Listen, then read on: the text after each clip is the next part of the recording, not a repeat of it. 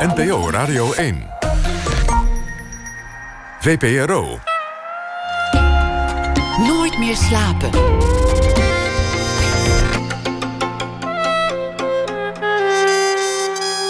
Met Pieter van der Wielen.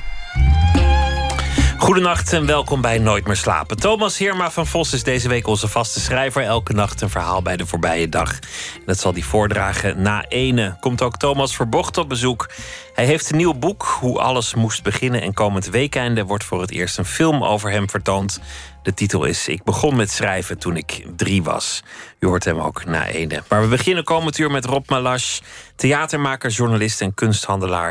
In die laatste functie maakte hij naam en fortuin door in de jaren negentig als een van de eerste in ons land de waarde van Chinese kunst in te zien. Hij had uh, meerdere galeries in Amsterdam, nog steeds zeer actief op dat vlak. Hij woonde intussen ook in New York. Trok daarop met uh, Philip Glass, Andy Warhol, Lou Reed en uh, nog wat grote namen. En als theatermaker heeft hij ook nog naam gemaakt met experimenteel theater en een aantal voorstellingen die onvergetelijk zijn gebleken. Geboren in Indonesië in 1947, verhuisd als kind naar Nederland. Binnenkort is hij te zien in de reprise van De Stille Kracht bij toneelgroep Amsterdam in regie van Ivo van Hoven. En volgend jaar maakt hij als regisseur een eigen versie van dat stuk. Welkom, Rob Melash. Nou, dankjewel.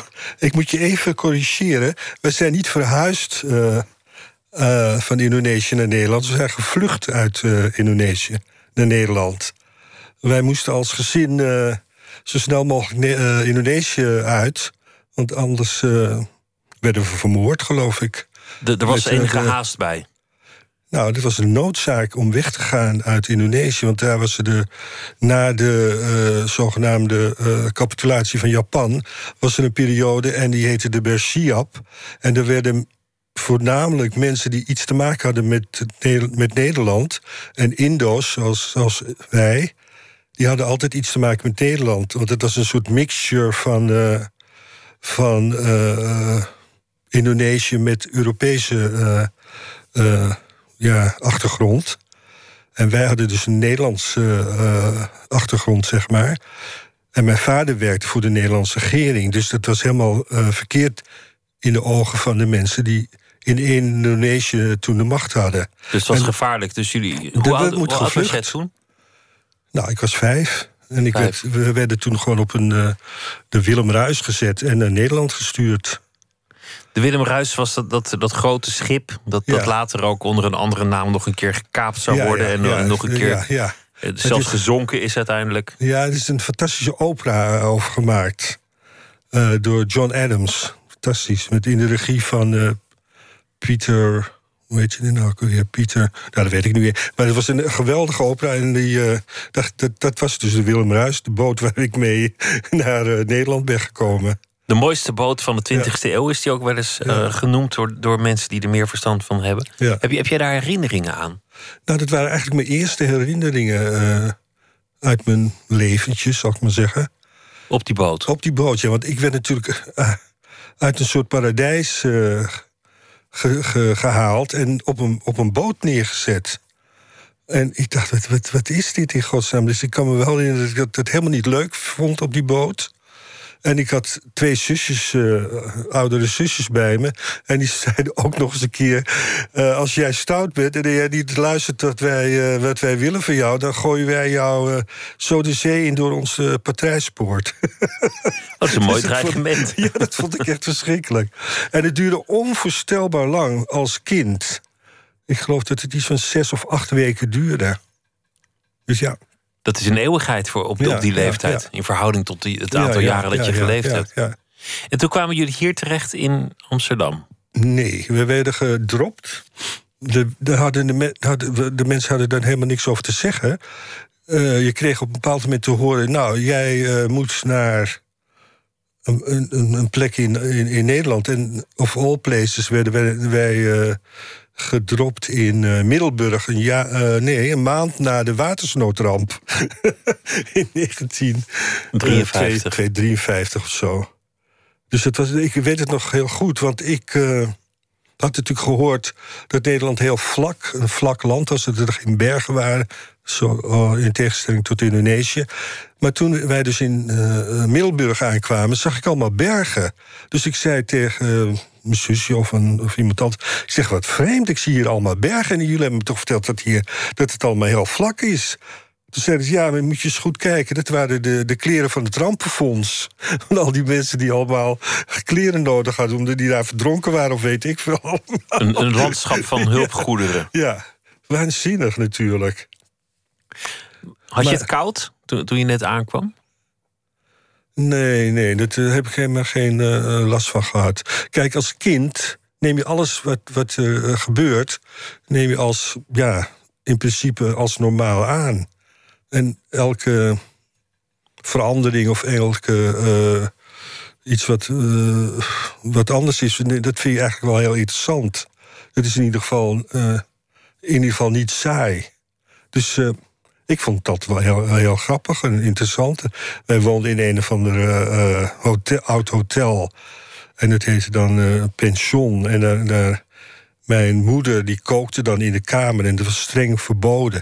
En al die Indische gezinnen die begonnen daar allemaal nasi goreng te, te, op, op, op kacheltjes te, zelf te, te maken. Dat was eigenlijk heel gezellig. En, en ja, ik, ik vond het wel leuk eigenlijk.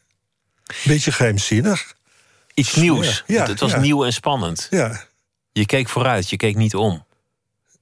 Nee, maar als kind van vijf kijk je natuurlijk helemaal nooit om. Maar je bent het later ook nooit gaan doen. Dat, dat, is, dat, is, dat is opmerkelijk. Volgens mij, want, want heel veel van die Indo's die hier naartoe zijn gekomen, die, die hebben later.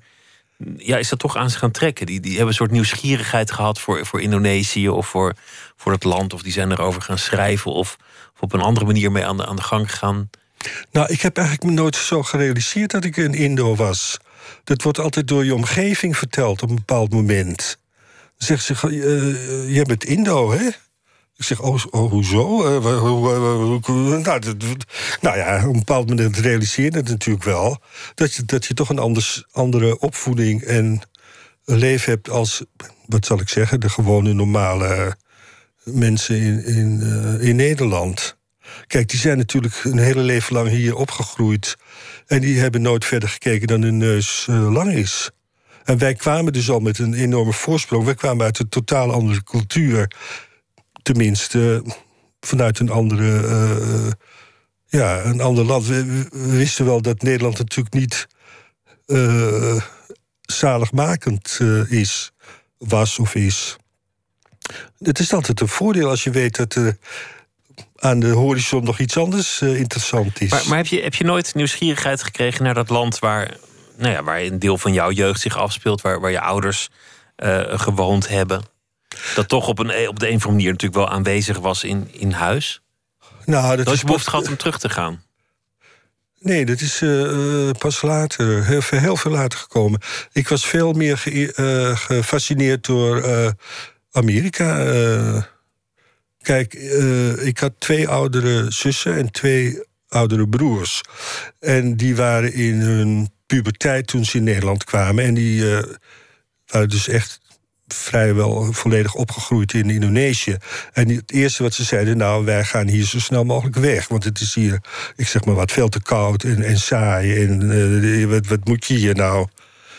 En die zijn allemaal, mijn zus en mijn broer zijn allemaal eh, geïmmigreerd naar uh, Californië in, uh, in Amerika.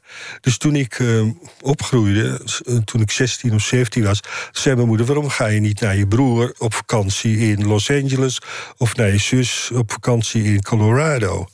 En toen dacht ik, nou, het lijkt mij best leuk om daar op vakantie te gaan. Dus dat had veel meer jouw fascinatie. Ja, dat was ook veel meer. Eh, dat vond ik ook heel indrukwekkend en ook heel uh, spannend. En uh, ja, het gaf toch een heel uh, goed gevoel van vrijheid.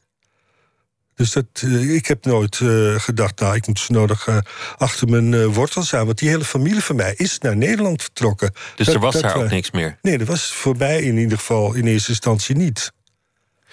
Was je, was je anders in, in de klas toen je, toen je naar school ging? Nou, ik was natuurlijk de slimste. De slimste. Dat begrijp je natuurlijk wel. Ja, en, en, en, waarschijnlijk ook wel, wel bespraakt, want dat ben je nu ook. Zoveel van Ja, andere nou. mensen ook niet. Nou, ik kan me herinneren, ik heb nog heel goed contact gehad met een. eh, heb ik nog steeds eh, eh, contact mee trouwens. Dat is een onderwijzeres op de Mulo waar ik zat. Dus in Michael Mulo heette zij. En zij was een Indische juffrouw. En zij was een stuk om te zien. Maya Surabaya noemden wij haar in de klas. En eh, zij vertelde mij... jij zat alleen maar de hele dag te slapen in de klas. En als, als je dus een, eh, een proefwerk moest maken... dan haalde je dus een 9 of een 10. dus dat interesseerde me eigenlijk allemaal niet. Ik wist eigenlijk wel heel snel wat, wat mensen van mij verwachten. En daar beantwoordde ik dan heel snel aan. Maar je had geen last van, van, van, van dat, ze, dat ze jou als Indo zagen... of dat je gediscrimineerd werd? Of, of nee, dat je... natuurlijk niet. Helemaal niet. Nee, nee, want het waren een heleboel Indische men, eh, kinderen in de klas. Ik, wij, werden, eh, wij zaten, eh, ik ben opgegroeid in, hoe heet het dat, Slotermeer, Nieuw-West. En er waren heel veel Indische gezinnen die daar huizen kregen. En die woonden ook allemaal bij elkaar. Dus wij waren niet zo anders dan, die, dan heel veel andere kinderen in de klas. Je viel niet op, althans Nee. niet, niet om die reden. Nee, ik viel helemaal niet op. Daarom kon ik lekker slapen de hele tijd. Wat, wat, wat voor opvoeding heb je gekregen? Wat, wat, wat, Nou, hebben je ouders je was, eh, meegegeven? hoofdzakelijk, ik was het eh, lievelingetje van mijn moeder. En in een gezin, in een Indisch gezin, als jij de lieveling van de moeder bent... en ik ben ook nog een jongen, dan kun je je alles permitteren. Ik ben echt opgegroeid, opgevoed als een prinsje. Dus ik, ja... En ik kon ook nog goed studeren. Dus eh, ik kon eigenlijk me alles permitteren wat ik wilde. En dat deed ik natuurlijk ook. Als je je- die kans krijgt, dan doe je dat natuurlijk. Ben je grootgebracht met zelfvertrouwen? Is, is, dat, is dat jou bijgebracht?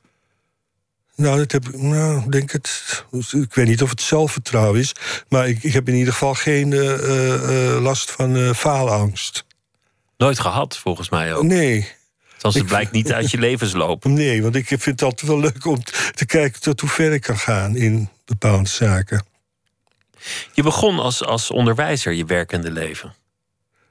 Nou, ja, dit, ja, ik wist eigenlijk niet toen ik van de Mulo afging. Toen zei iedereen, ja, je moet nu kiezen eh, wat je wil doen, wat wil je? Ik zeg, nou, ik zou het echt niet weten. Ja, eh, moet, wat moet Je moet werken, je moet iets doen. Ja, hoezo? Ja. Dat zeg jij dan wel, maar dat- daar had ik helemaal geen benul van. Dus ik had zoiets van, nou eh, ja. Toen zeiden ze, nou, we vinden het toch wel interessant als je dus blijft, blijft nou maar lekker doorstuderen. Ga dan maar naar de kweekschool, heette dat toen, of de Pedagogische Academie. Nou, dat heb ik heel keurig gedaan en dat heb ik keurig afgemaakt. En toen was ik 19 of zo, toen eh, ben ik onderwijzer, eh, was ik onderwijzer. En toen dacht ik, ja, eh, ik ga dat natuurlijk niet doen tot mijn 65ste andermans kinderen opvoeden. Dat moeten ze zelf maar doen.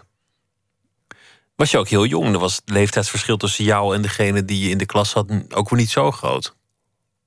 Nou, het was een lagere school. Dus die waren iets Zeven, van- zeven jaar jonger of zo. ja, ja of nou, dat is toch een heel groot verschil. Ja, hoor. op die leeftijd misschien ja, ook wel. ja, ja. Hoe snel ben je er weggekomen? Nou, ik denk dat ik dat geloof ik twee of drie jaar gedaan heb, eh, hooguit. En eh, ik deed s'avonds de Rietveld Academie, de stekenleraaropleiding. En daar hadden we dus ook eh, les op een of andere manier van een dame... en die heette Kit Winkel. Die wij natuurlijk meteen Kutwinkel noemden als, eh, als, als eh, pubers. En die gaf dansexpressie. En eh, nou, die zei dan: Jongens, eh, vandaag zijn jullie wolkjes en eh, ga maar dansen als een wolkje. Nou, dat vond ik hartstikke leuk, dus dat deed ik heel, heel, heel met ze mee. En toen zei ze: Nou, jij bent een geboren danser, jij moet gewoon naar de dansopleiding in, op de theaterschool. En toen dacht ik. En toen zei krijg, zou ik daar een beurs voor kunnen krijgen? Toen zei ze, ja, dan krijg je meteen een beurs. Ik dacht, nou, dat vind ik wel handig, want dan ga ik lekker de hele dag dansen. Wist ik veel verder. Nou, ik werd eh, aangenomen op de theaterschool. Maar net in die periode zag ik een voorstelling van Koert Stuyf en Ellen Edinov in Carré. Nou, dat vond ik echt zo'n eye-opener en zo fantastisch... dat ik dacht, nou, ik ga echt niet als een, eh, een, een wolkje blijven dansen. Ik, bied me gewoon, ik ga gewoon naar die studio van Koert Stuyf... en ik ga gewoon die lessen mee eh, doen. Nou, dat heb ik dus gedaan. Recht erop af. En toen zei Koert, god, wat doe jij hier? Wat is dit? Eh, dat kan helemaal niet. Ik zeg, nou, ik zit hier toch. Ik, ik, ga toch, ik doe toch die, uh, die, die lessen mee. Zeiden, ja, je, je hebt gelijk. Voor mij mag je hier uh, de opleiding volgen. Nou, en toen, dat is zo gaan. Dat heb ik geloof ik een paar jaar gedaan. En zo kwam je terecht in de, in de wereld van het theater en het, en het experimentele ja, theater. Ja, ja. Want ik ben um, heel veel invloed op mijn manier van denken over theater. Dat heb ik te danken aan Koert Stuif en voornamelijk ook aan Ellen Edinov. Dat was zijn vrouw en echt een fantastische danseres. Je hebt uh, ja. een aantal voorstellingen gemaakt waar nog wel eens aan gerefereerd wordt. En, dit is er uh, één. Dat, dat ging over een, een, fotografische impressie. Zeg maar reeksen van foto's die, die heel beroemd zijn geworden. Uh, van Mybridge bedoel ja. je? bedoelt de fotograaf, de, fotograaf, ja. Dat was een voor. Uh, ja, wat wil je daarover weten? Nou, we, gaan, we gaan eerst luisteren naar een stuk van de, van de muziek die heel uh, indrukwekkend is, van Philip Glass, die die daarbij gecomponeerd heeft. En, en dan, gaan we, dan, dan ben ik wel benieuwd wat voor stuk dat was.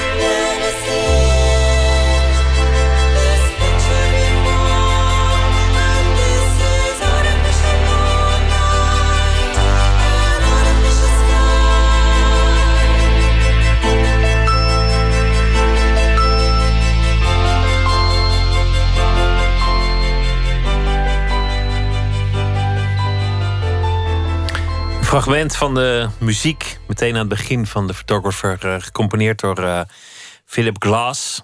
Rob wat, was dit voor, wat was dit voor stuk? Hoe, hoe, hoe begon dat? Ja, het is heel bizar om met de wijsheid van nu daarover te praten. Het is, dit was 1982 en ik maakte voorstellingen in het kleine theater in Chaffee. En het heette toen Marsje Theater. En ik kwam Philip Glass tegen, uh, dankzij een hele goede vriendin van mij, Ina Rielke, een hele goede vertaalster. En die gaf een feestje op haar woonboot en daar was Philip Glass. En die kwam naar me toe en die zei: God, uh, ik hoor van Ina dat jij uh, theater maakt. Ik zeg: Ja, dat klopt. Toen zei Wil jij misschien naar mijn muziek luisteren? En ik zou het leuk vinden als jij mijn muziek gebruikte bij je theatervoorstellingen. Toen zei ik, nou, ik zal er naar luisteren. Het lijkt me wel uh, grappig. Geef me wat, uh, uh, wat was het toen? Cassette, cassettetapejes van hem. Nou, heb ik naar geluisterd. Toen heb ik één voorstelling van hem gemaakt in het Shaffi samen met Vera Betts. Het was een, een solo voor viool en altviool, geloof ik. En het was een herhaling van noten. Dus zeg maar wat. Met een, heel, een half uur lang. En het stuk, de partituur, die, die gebruikte ik als decor op de achterwand van een uh, van die theaterzaal. En zij stond dus die partituur te spelen en moest ze langzaam zo lopen. Ja, dat was natuurlijk heel minimalistisch, zal ik maar zeggen. Maar wel ontzettend spannend. Ja, hoe lang hou je zoiets vol? Nou, dat bleek, dat kun je toch heel lang volhouden. dus dat uh, vond ik wel interessant. Dus nou, ik had, uh, Philip Klaus was er zelf bij, bij die voorstelling. Die vond het geweldig, hartstikke leuk. Nou, op een bepaald moment was opeens zo'n soort, in die tijd, een soort wonderkindje van het modern theater geworden. En toen kreeg ik opeens een brief thuis uh, van, een, van de koningin, de toenmalige koningin Beatrix. En van de paleiscommissie van. En er werd verzocht of ik misschien een voorstelling voor de koningin en haar vrienden en relaties wilde maken in het paleis op de Dam. Dat deed ze één keer in de vier jaar. Ik dacht, wie, welke grappenmaker heeft mij zo'n brief naartoe gestuurd? Dat het een grap was. ja. ja, natuurlijk dacht ik dat het een grap was. Ik denk, die koningin zal toch wel iets anders te doen hebben... dan mij uit te nodigen voor een voorstelling. Ze, weet, ze heeft geen idee wat ze in huis haalt. Of in haar paleis haalt, zal ik maar zeggen. Goed. Het bleek dus gewoon waar te zijn. Dus ik werd uitgenodigd bij die paleiscommissie. Nou, om een lang verhaal kort... Uh, kort te vertellen is dat, nou oké, het was allemaal goed. En ik dacht opeens, ja, ik zal toch eens even moeten vragen aan, aan die mensen van, kunt u mij misschien vertellen wat het budget is voor deze voorstelling? En toen zeiden ze, maar meneer Melast, u begrijpt toch wel, het is voor de koningin. Het budget is uh, onbeperkt. nou, ik kwam dus uit het Marsje Theater... waar wij theater maakten voor een sinaasappelschil... en een elastiekje voor 100 euro of zo. Dus een, uh, een budget, een ongelimiteerd budget, was natuurlijk een soort krankzinnig droom. Dus toen heb ik al mijn vriendjes en vriendinnetjes uit die tijd gebeld. Onder andere Philip Glass.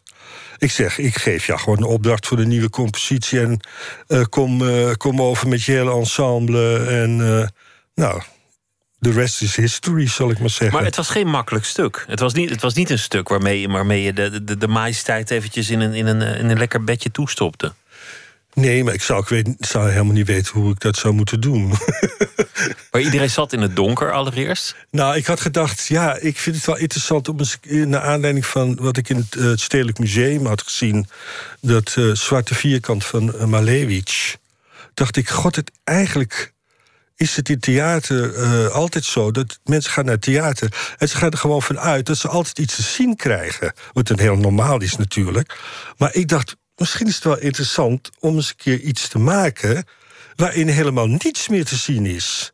Dat lijkt me wel heel spannend om dat uit te proberen. Gewoon duisternis. Ja, uh, zwart. Uh, ja, donker, uh, niks meer te zien. Dus je moet je andere functies van je lichaam moet je aan, aanboren om daar iets mee te doen. Dat vond ik heel interessant gegeven. En toen heb ik erover nagedacht. Nou, en dan kom je natuurlijk snel op. Uh, uh, toen dacht ik opeens, ja, hoe, hoe zou, er moet natuurlijk wel een reden zijn om zoiets te, te kunnen doen in het theater. En toen kwam ik natuurlijk vrij snel op het, op het eh, concept van fotografie. Want in de fotografie heb je altijd een donkere kamer nodig, tenminste toen. En ik denk, nou, dat is natuurlijk interessant. En dan heb ik alvast in ieder geval een donkere kamer. En toen kwam ik opeens, hé, hey, ik kan me herinneren dat ik op de Rietveld een tijd uh, dat werk van Edward Muybridge heb bestudeerd. En dat is een fotograaf die alle bewegingen heeft gefotografeerd in sequenties. En toen dacht ik, nou, het, lijkt wel een puzzel die bij elkaar komt. Want die sequenties van beweging visueel... Dat, dat, dat is eigenlijk de muziek van Philip Glass. Dat is namelijk ook een sequentie van beweging, maar dan in muziek. Dus nou, ik had eigenlijk alle, alle uh, facetten bij elkaar bedacht alle elementen kwamen terug. Ja. Die, die, die foto's in sequenties, Ja, de duisternis, ja. Malevich, Philip Glass. Ja, en er was ook nog een grote inspiratie. Dat was die film uh, van Antonioni, uh, Blow Up. Een fantastische film. En daarin wordt uh, aangetoond dat, dat, het, dat je met fotografie dus dingen kunt laten zien... die je met het gewone oog eigenlijk niet ziet omdat het van een hele andere hoek uh, gefotografeerd is. In, in wezen komt het op neer dat er tijdens die film wordt er een moord gepleegd in een park. En dat zie je dus in die film, maar je ziet die hele, je ziet die hele moord niet. Maar er is een fotograaf die in, het, in die film rondloopt. En die heeft daar foto's van gemaakt. En daar zien het wel op. En dat vond ik ook zo fantastisch. Dus toen dacht ik, nou, dan moet ik gewoon foto's maken van het stuk de fotograaf. Het leven van Edward Muybridge. Wat trouwens ook een heel interessant leven was. Want die Muybridge heeft dus de minnaar van zijn vrouw doodgeschoten. Maar omdat hij in die tijd al zo beroemd was is hij daarmee weggekomen. Nou, dat is natuurlijk een fantastisch gegeven om de, uh, iets uh, theatraals mee te doen. En ik liet daar dus foto's in maken door Bert Nienhuis als fotograaf. En die liet ik ontwikkelen. En toen had ik mijn donkere kamer en het totale uh, pikdonkere. Het is een voorstelling waar, waar vooral vanwege die muziek ook vaak nog wel aan wordt gerefereerd. Ben je, ben je eigenlijk ook in die, in die jaren wel eens op je bek gegaan als regisseur? Nou, zeker naar de fotograaf. Hoezo dan? Nou, dat was, dat, wat, was, was een hele interessante voet. Dat was eigenlijk een, een, ja, mensen waren dat natuurlijk helemaal niet gewend om helemaal niks te zien te krijgen. en het was tegelijkertijd. Uh, Frans de Ruiter was toen directeur van het Holland Festival. En die dacht, nou, ik ga meteen vragen of uh, die Rob Malas met die Philip Glass de opening van het Holland Festival willen doen. In Carré traditioneel. In Carré, ja. Dat was de opening van het Hondfest. Ik zei ja hoor. Dat, ik, uh, ik dacht, nou, er is toch niks te zien. Dus ik kan makkelijk die voorstelling in Carré doen. Het moet gewoon alle lichten uit daar. nou, dat heb ik wel geweten. Het, dat, dat, dat, dat, dat, ja, het was gewoon in principe in die tijd was, was het stuk een flop. Een ramp was het. Ja, nou, uh, ja, zoiets, ja, theatraal wel. Maar ja, dit, dit, dit zit me helemaal niet. Ik had in ieder geval uh, gedaan wat ik wilde doen. En, en, het grap van het hele verhaal is dat het stuk dus wel opgepikt is door uh, een aantal mensen in New York en in Duitsland. En dat het daar weer opgevoerd is. Uh, met groot succes. Dus ook, ook weer niet zo erg. Maar, maar is er dan een, een moment dat je denkt: oh, mijn, mijn uh, theatercarrière die, die stort nu in elkaar? Of ik ben weer helemaal terug bij af? Of ik moet terug naar, naar de kleine theaters waar ik begon? Nee, maar ik ben helemaal nooit. Uh, ik, ik, ben, uh, ik ben, hou me helemaal nooit bezig met mijn carrière of zo. Ik, in geen enkel opzicht? Nee, waarom zou ik? Ik, waarom zou ik? Dat is toch helemaal geen noodzaak bij? Dus nooit een plan geweest? Nee. Ik doe maar wat. En ik vind het altijd leuk om juist dingen te doen die niemand anders doet. Want anders, als ik het niet doe, doet niemand anders het. Je volgt gewoon je interesses, iets komt op je pad en je gaat, er, je gaat erop af.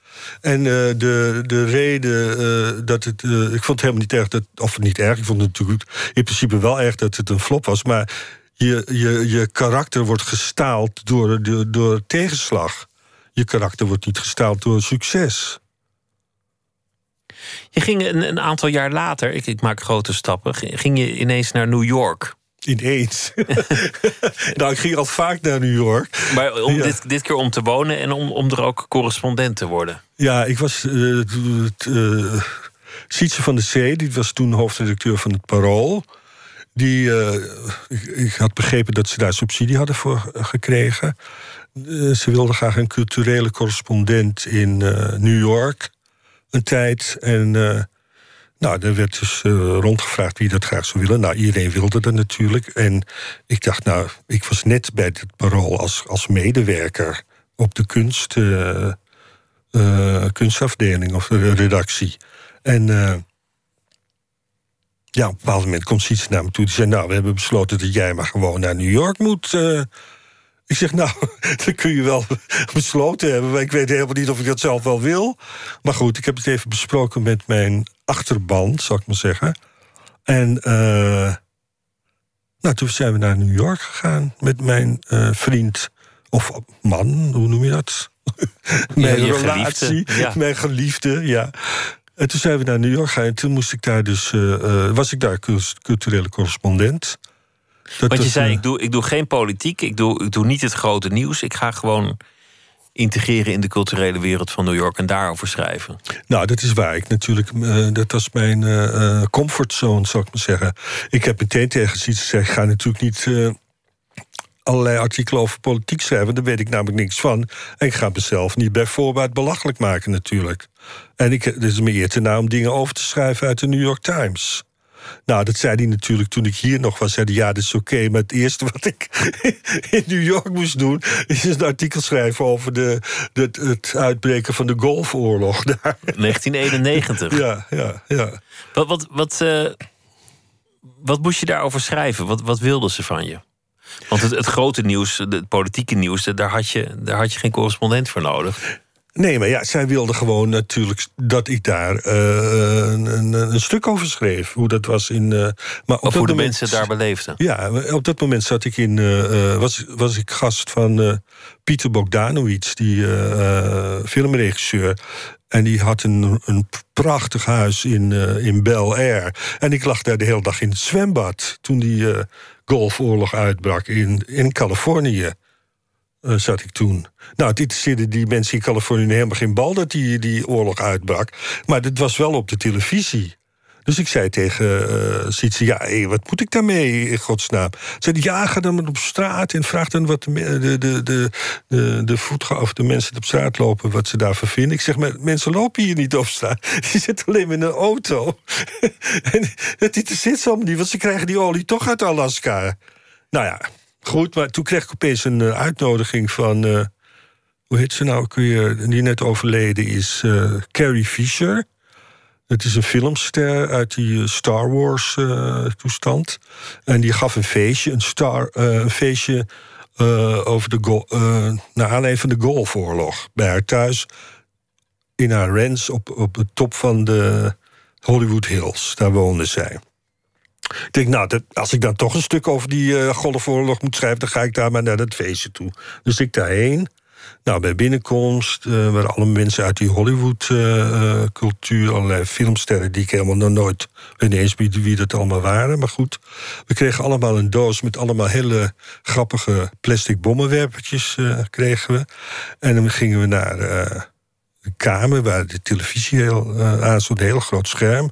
waar live CNN? Dus CNN waarschijnlijk. En, en, en elke keer als er iets ontplofte uh, daar, tijdens die golfoorlog... dan gooide hij al die al die, Al die filmsterren, sterren, die de plastic bommetjes naar, naar het scherm. En dat was lachen. Nou, daar heb ik dus een stuk over geschreven. Nou, ik geloof niet dat ze dat geplaatst hebben. Nee? In parool. Of misschien wel, ik weet het niet. Maar Ik vind het juist een heel mooi beeld. Ja. Filmsterren die, die er eigenlijk een, een, lolletje van maken. Ja, ja. nou, dat is heel snel hoor. In, in, in, zeker in eh, Hollywood. Dat ze, ze maken overal een lolletje. Of een film over. Het is eigenlijk hetzelfde. Maar, maar hoe kon jij zo snel eh, worden toegelaten in, in, in allerlei kringen waar anderen eigenlijk niet zo makkelijk binnenkomen? Ja, nou, dat zal wel eh, te maken hebben met een soort talent. Ik ben natuurlijk een soort eh, snake charmer. Ik kan natuurlijk heel charmant doen. Als ik iets wil, dan lukt het mij altijd wel eigenlijk. Maar je, je had bijvoorbeeld al heel snel een interview met Andy Warhol. Ja, merkwaardig, hè? Dat, dat, dat gebeurde ook weer niet heel vaak dat hij interviews gaf. Zeker niet aan een Nederlandse krant. Ja, nee. En Nee, dat, was, komt- al- dat was allemaal bluff en zo. Ik had nog nooit een interview gemaakt. En ik was ergens op een, eh, een receptie met. Dan kwam ik de, de, de, de hoofdredacteur van dat blad, toenmalig blad De Tijd. Ja, we hebben het nou over 40 jaar geleden hoor.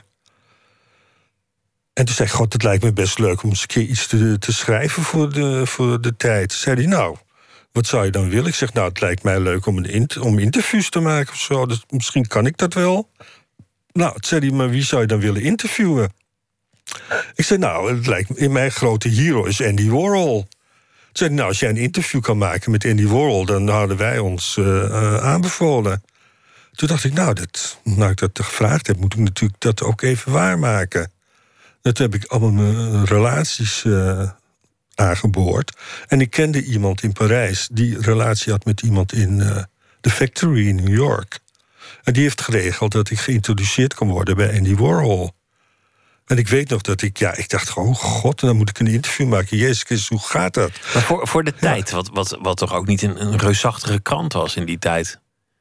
Bedoel, Andy Warhol die werd, werd, door, werd door, door iedereen gevraagd... Waarom, waarom zei hij dan daar nou net op toe? Nou, als je dat in het Engels vertaalt, de tijd, en dit is de time.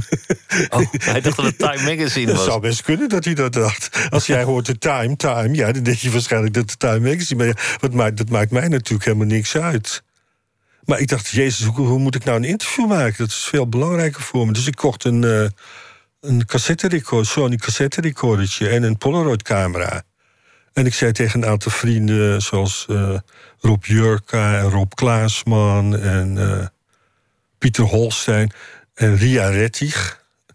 Dat waren allemaal vrienden van mij in die tijd. Gauw, ga mee, gezellig. We gaan naar Andy Warhol. Ik moet een interview maken. Nou, zo ging dat in die tijd. Toen kwam je met een heel clubje daar binnen. Ja. En toen, uh, nou ja, dan ben je natuurlijk heel vreemd bekeken door die, door die mensen daar. Het zijn allemaal die medewerkers van uh, Andy. Maar Andy Warhol, die, die zat zo te kijken. En ik wist gewoon ik was in die tijd zo'n zo hele mooie Indische jongen met lang zwart haar en een, een, een, jonge danser, zal ik maar zeggen. Ik wist gewoon dat Andy Warhol natuurlijk als een blok voor mij zou vallen, had ik bedacht. En ik dacht, nou, daar ga ik er wel even gebruik van maken. Want ik wist van die vriend van mij dat als hij jou leuk vond en een interview met jou gedaan had, dan zei hij altijd: Nou, wat wil je dan hebben van me, weet je wel? En toen dacht ik, nou, wat wil ik eigenlijk hebben van die Andy Warhol?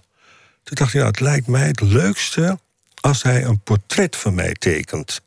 Dus ik had al meegenomen een vel papier met potloden en alles. En nou, het ging zo. Ik maakte dus dat interview met die cassette recorder en alles. En hij vond het allemaal heel leuk. En het vond het allemaal heel leuk. En op het eind zei hij van... Ik was op zijn, zijn, zijn atelier. Er lagen allemaal zeefdrukken op de grond. En pispaintings waarover gepist werd. Het werden hele merkwaardig abstracte eh, schilderijen die nu dus ettelijke miljoenen waard zijn per stuk. Die lagen daar gewoon. Dus hij zei op het eind: Ja, uh, hartstikke leuk erop. En ik hoop je graag nog een keer weer te zien. Dan gaan we eten en dit en dat. En uh, wat wil je hebben? En hij signeerde alvast een foto voor me. Ik zeg. En hij keek zo naar die zeefdruk en zegt: zeg, Ik denk, nou. Ik zeg: Nee, daar ben ik helemaal niet geïnteresseerd. Uh, ik heb iets bedacht. Ik heb leukste zou ik vinden als jij een portret voor mij, van mij tekent. Dat zou ik echt het leukste vinden. En ik heb toevallig, heel toevallig, heb ik hier wat papier bij met potloden. en ik dacht dat ik heel slim was in die tijd. Eigenlijk de slimste van iedereen. En maar toen keek Andy Warhol mij aan. En toen zei hij heel zo, heel lijzig... Maar Rob, ik kan helemaal niet tekenen. en toen moest ik echt toegeven dat hij nog slimmer was dan ik. In die periode. Maar, maar als je zo'n als je zo'n ja. zeefdrukje of zo'n pispainting had meegenomen, dan, dan had je nu een paar miljoen ja, kunnen verzilveren. Uh, dat gewoon zeggen, doe die maar, joh. Ja, nou, ik was daar helemaal niet mee bezig. Het interesseerde me ook helemaal niet. Geld was er ook geen drijfveer voor je? Nee, dat is nooit geweest. Nooit, nee. nooit geweest ook? Nee. Maar nou, ik vind het wel ik, heb, interessant. ik, heb, ik heb het altijd gehad hoor. Het, is, het klinkt allemaal heel arrogant om te zeggen: het is nooit een drijfveer voor me geweest. Maar op een of andere manier kan ik leven van een. Uh, uh, wat zal ik zeggen? Twee dubbeltjes en een, en een sigaret of zo. Dat kwam daarna. Je kwam in China terecht via Gilbert en George, volgens mij. Die de, de, de, kunstenaarsduo, nou heel bekend. Die kende jij en die hebben tegen jou gezegd: je, je moet mee naar China. De, de... Nou, ik moest niet mee. Ze nodigden me uit om, om naar China te komen. Want ze hadden een uh, eerste tentoonstelling in Peking en in Shanghai. Maar dat was in 1992. Dus, dus vrij kort Voor... na de, de, de opening. En, uh... Nou, net ervoor. Ik denk dat in 93 echt die opening is gekomen. Of ietsje later zelfs iets ervoor. Want het was nog echt. Uh, ik weet nog dat we aankwamen in, uh, in uh, Peking. En ja, dat was een één weggetje naar Peking toe. En het was eigenlijk een soort bijbels tafereel wat je daar zag. Echt helemaal terug in de tijd. Dus dat was echt. Ja, fantastisch om mee te maken natuurlijk. Maar ja, Gilbert en George hadden daar een grote tentoonstelling. En, en daar, daarbij was. Uh, trouwens, ik werd geïntroduceerd door Gilbert en George. door Rudy Fuchs. Dus daardoor had ik een goede relatie met, met ze.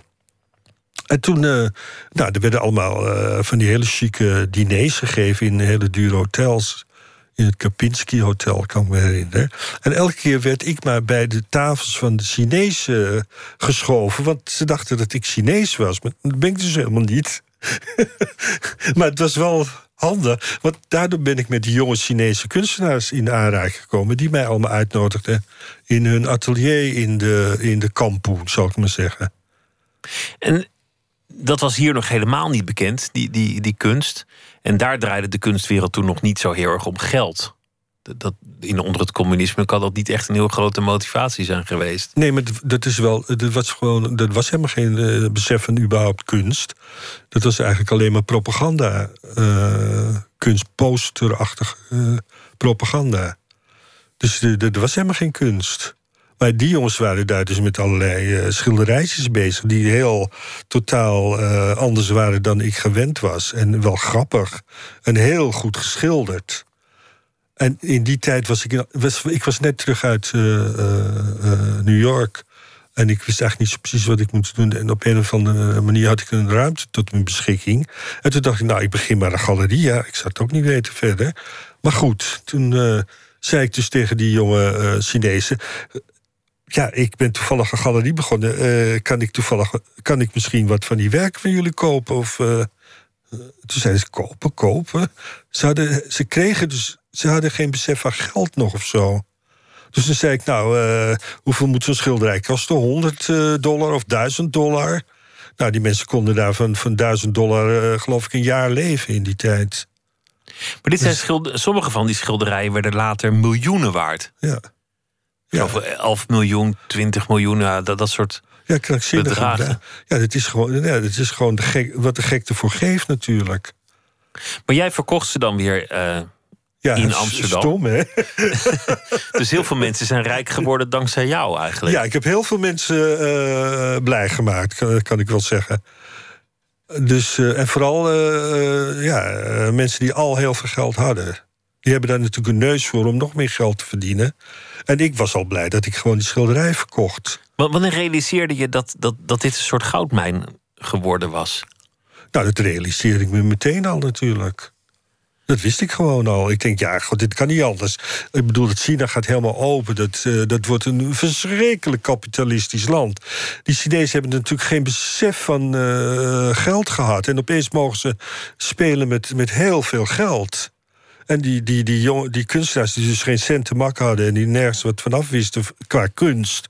dat werden verschrikkelijke commerciële monsters.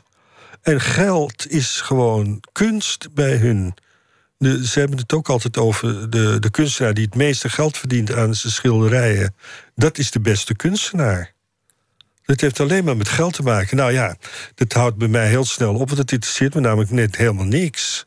Heb je er zelf nog wel iets aan overgehouden? Nou, ik denk het wel, ja. ja. Toen ik natuurlijk merkte dat die schilderij zo ontzettend veel geld uh, opbracht in de, in, op de veilingen... toen heb ik natuurlijk wel een, uh, een aantal zelf gehouden ging natuurlijk niet meer verkopen. Ik denk, nou, dat kan ik zelf wel op de veiling gooien. Dus daar heb je heb je, je volgende projecten van kunnen financieren. Ja, en, uh, ja, ja, ja. Want toen kreeg je een, een, een, weer een andere. Je hebt eigenlijk met die galeries altijd op andere plekken gezeten. Nooit heel lang op dezelfde plek. Ja, ik verveelde me heel snel als zo'n galerie eigenlijk een beetje af was. Uh, ik vond eigenlijk het inrichten en het verhuizen en dingen uh, opzetten... vond ik eigenlijk het meest interessante. En zodra het allemaal geregeld was, dacht ik... nou, hier heb ik echt helemaal geen zin in. Want dan ik zit ga, je daar maar. Ja, en ik ben eigenlijk vanuit het centrum... ik ben begonnen op de Laudiegracht, toen de Hazenstraat... toen uh, Willem de Zwijgerlaan, toen de Bilderdijkstraat... toen de Postersweg elke keer naar een, een buitenplek gegaan... waar je normaal gesproken niet komt als kunstliefhebber. En nu zit ik bij een, fantastisch uh, project. Dat heet Wow. Uh, en dat is een project wat geïnitieerd is door Sandra Shady. In Bos en Lommer is in het? In Bos en Lommer en, en Jaap Sevoer. En dat is eigenlijk een, een oude technische school. Die hebben ze helemaal ingericht en veranderd als een hostel. En er zijn twee verdiepingen waar mensen dus gewoon een kamer of een bed kunnen uh, huren. En uh, de winst van, uh, van, van die hostel wordt gebruikt voor jonge kunstenaars die net van de academies af zijn. En er zitten geloof ik 50 in, in dat project. En die hebben allemaal hun eigen atelier en hun eigen woonruimte. Die zitten daar. En er is een restaurant en er zijn expositieruimtes. En er zelfs mensen die dus uh, de kunstenaars bijstaan... hoe ze dan zich verder moeten ontwikkelen. En ik heb daar mijn uh, ruimte. En ik geef ook zo nu en dan advies aan, en uh, wauw voor tentoonstellingen. En, en zij helpen mij ook om bijvoorbeeld, uh, bijvoorbeeld deze Nights Festival te organiseren. Ik ontwikkel me meer tot iemand die geïnteresseerd is om events te organiseren. Want dat doe je nu ook met, met Philip Glass samen ieder jaar. Ja in, in Amsterdam. Elk, elk najaar komt hij hier en nodigt weer mensen uit. Lavinia Meijer, dat was, was een van die dingen. Ja. Het, het is niet zo nou, dat, dat... Het was niet één van die dingen. Dat was echt fantastisch. Lavinia Meijer is echt een... Uh, nou, dat, dat, dat heeft wel gevolgen gehad. Dat ja, ze daar dat was echt uh. Maar die, die, is ook dankzij Hans Heg. Dat is de voormalige muziekrecensent van de Volkskrant. Een goede vriend van mij. Die heeft mij geattendeerd op Lavinia Meijer. En die heb ik weer in contact gebracht met Philip Glass. En dat klikte heel goed. En nou, de rest is history natuurlijk. Want zij gaat nu naar uh, deze Nights Festival in uh, Big Sur. Dat is een plaatsje tussen uh, LA en San Francisco, waar dat festival wordt gehouden. En ze gaat ook weer meedoen in oktober. Ik kan nu al zeggen dat het, volgens mij is het zondag en maandag 22 en 23 oktober in de Melkweg. In het kader van het Amsterdam Dance Event doet Philip Glass één concert samen met uh, Dennis Russell Davis. En Maki, dat is zijn vrouw, een, een concert met vier, vier of drie piano's. Als zijn etudes gaat hij dat doen. Dat wordt echt sensationeel, fantastisch. En de volgende dag, maandag, doet hij uh, Philip Glass en Friends... met onder andere Lavinia Meijer en, en een cellist... en, en het Alma-kwartet. het is een Amsterdams of Nederlands strijkkwartet. En die zijn echt sensationeel goed. En die heb ik, ga ik nu in contact brengen met Philip Blaas. Dat zij ook die muziek van Philip Blaas gaan spelen. Ik ben gisteren uh, geweest in, in, in jouw ruimte daar bij, uh, Wauw. bij Wauw. En daarna ook in je kantoor. En dat vond ik wel indrukwekkend, want je hebt een enorme ruimte met kasten. Allemaal, eigenlijk allemaal dingen die je bewaart. Maar ze gaan eigenlijk allemaal over liefhebberijen. Een kunstenaar die je bijzonder vindt, muziek waar je van houdt. Uh, een, een, grote bak met Bob Dylan, met de Rolling Stones en dan weer ja. heel veel Philip Glass natuurlijk. Maar eigenlijk gewoon een, een, een soort. Archief? Ja, maar ja. Ook, ook wel een beetje een soort, soort speelkamer. Is het? Ja, ja. ja zo, zo beschouw ik het ook hoor. Als speelkamer. Maar dat, zegt, dat zegt ook al veel over, jou, over jouw leven. Dat je daar zit, om, omringd door je liefhebberijen. Ja, maar waarom niet? Is het... Nee, maar dat, ik, ik, probeer te achterhalen hoe jij je bestaan leidt. Want het heeft je op een aantal plekken gebracht. Nou, ik probeer altijd uh, uh, iets te ontdekken wat ik eigenlijk nog niet uh, in mijn macht heb. Daardoor ben ik ook onder andere in theater gegaan. Want dat vond ik zo'n fascinerende wereld. Ik denk, hoe is het mogelijk dat je dat soort dingen gewoon kunt doen en, en bedenken en, en maken? Nou, dat heb ik mezelf gewoon aangeleerd. Ja, ik was in staat om dat te kunnen. En als, op het moment als ik dat in mijn macht heb, dan is mijn belangstelling wordt er weer getikkerd door iets anders. Het heeft allemaal wel altijd met, uh, met kunst te maken op een of andere manier. Daar kom je toch altijd wel bij terug? Ja, want dat vind ik toch wel het meest spannende, omdat het natuurlijk eeuwigdurende ontdekking is. De ontdekking van iets wat, wat nog niet bestaat. Dat vind ik, wel, dat vind ik gewoon heel spannend. En, dat, en er zijn natuurlijk heel veel mensen die dat. Uh, het klinkt allemaal heel hoogdravend, maar dit is helemaal niet zo bedoeld.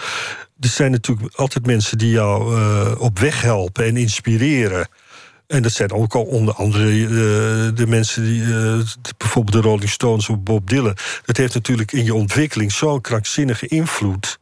Die, ik zal nooit vergeten, die allereerste uh, singeltje van Satisfaction van de Rolling Stones. Nou ja, dat was echt een mind-blowing experience. En, en later zouden ze.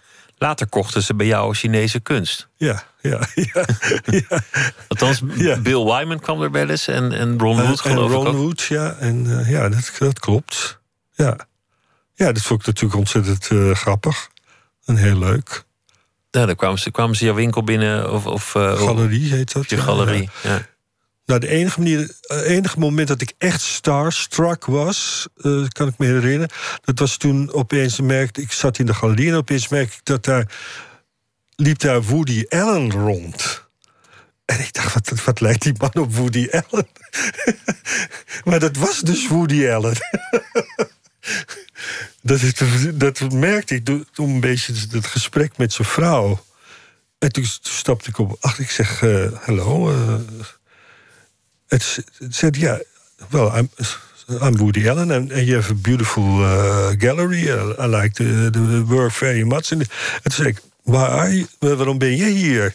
Ze zei, ja, ik speel klarinet in, uh, in Paradiso. Hij heeft een jazz uh, ja. combo en daar speelde hij. Dan nodigde hij me uit uh, in Paradiso. Nou, dat vond ik zo ontzettend leuk. Dat was echt geweldig.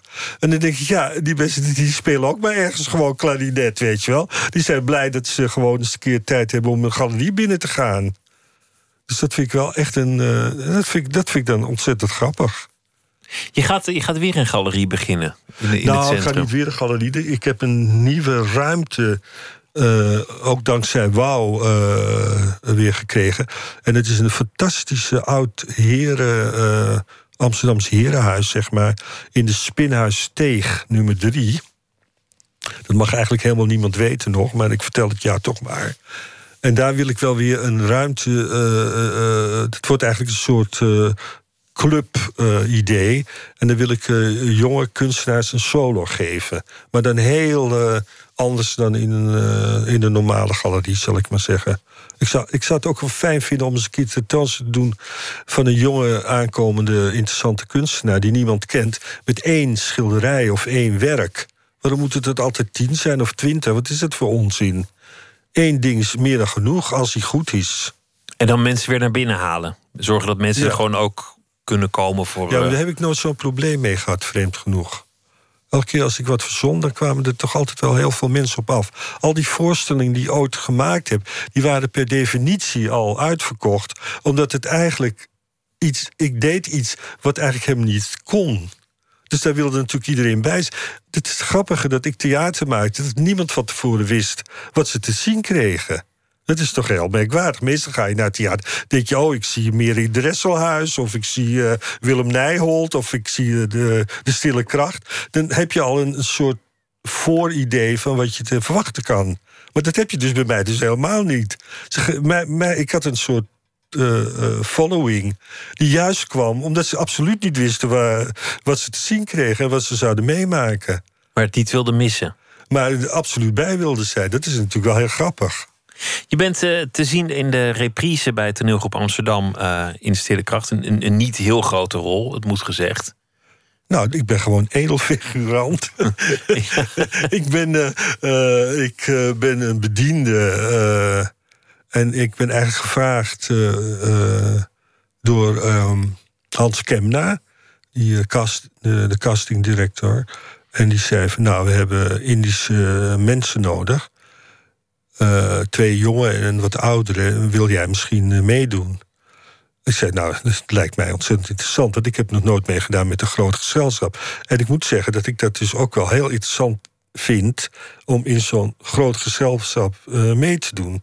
Dat is ontzettend comfortabel. Alles wordt voor je geregeld. Er zijn mensen die kleding aanreiken. Je wordt gepamperd van hier te Tokio. Uh, dus dus dat, is, alles wordt voor je geregeld. Het is echt fantastisch. Ik ken dat helemaal niet, want ik heb altijd alles zelf gedaan. Zonder, zonder al te veel budget. Nee, ja, maar je gaat, je gaat ook je eigen versie regisseren van, het, van hetzelfde stuk. Ja, dat is wel de bedoeling. Ik ben in gesprek op dit moment met Kester Freriks. Uh, en hij is uh, heel erg gespecialiseerd in uh, literair in Indisch materiaal, zeg maar. Hij heeft ook fantastische boeken daarover geschreven. Echo's van India. Indië. Dat is echt een fantastisch boek. En ik heb hem gevraagd om met mij samen uh, ja, een soort bewerking, of niet een bewerking, uh, de stille kracht te doen. Maar dan op een hele andere manier zoals dat nu gedaan wordt bij toneelgroep Amsterdam. Want die heeft hij natuurlijk ook gezien en ook gerecenseerd. Want jij, jij wilt anders, jij wilt een andere uh, aspect belichten daarvan. Ja, ik ben, ik ben natuurlijk uh, toch, ik blijf natuurlijk gewoon Indisch. Hoe je het wet of keert. En ik denk dat ik dit jaar toch wel voor het eerst in mijn leven uh, de moed heb om terug te gaan naar Indonesië, waar ik geboren ben. En ik hoop dat dat ook inspiratie geeft om een andere, andersoortige versie van uh, De Stille Kracht uh, op het toneel te brengen. En ik denk dat het veel, nou in ieder geval veel sexier wordt en, en, en thrillerachtiger dan, dan de versie die, die op de televisie is geweest. met. Met Pleuny... Uh, Pleuny Touw. Pleuny Touw, ja. En Willem Nijholt. En, maar goed, dat was natuurlijk in die tijd een hele interessante uh, confrontatie met het literaire werk van Louis Couperus. En ik ben ook opgegroeid in Amsterdam, Slotermeer, in de Louis Couperusstraat nummer 20. Dat was mijn ouderlijk huis. Dus, dus, maar dat je voor het eerst teruggaat naar Indonesië, dat vind ik toch opmerkelijk omdat je zei, ik keek eigenlijk altijd vooruit. Ik was er niet mee bezig. Ik keek naar Amerika, daar woonden mijn broer en zus. En dat je dan nu op, op nou, iets latere leeftijd. Dat je dat toch. ik, ik zeg het voorzichtig, maar dat je, dat je dan, dat je dan toch, toch teruggaat. Dat er toch ja, nou, ineens, ik ben over de hele wereld geweest. Van, uh, ja, maar uh, daar nooit. Nee. Dus dat zal wel, uh, ja, het zal er een keer van moeten komen. Wat maakt het uit of je dat op je, op je twintigste doet of op je zeventigste? Dat maakt toch niets uit? Nee, maar ik vind het opmerkelijk dat je overal komt en altijd op reis bent. En, en dat dat dan net die ene plek is waar je niet komt. Ja, het, misschien is het ook wel opmerkelijk, maar ik, ja, ik ben geen psycholoog van huis uit. Ik heb geen idee waarom dat zo is.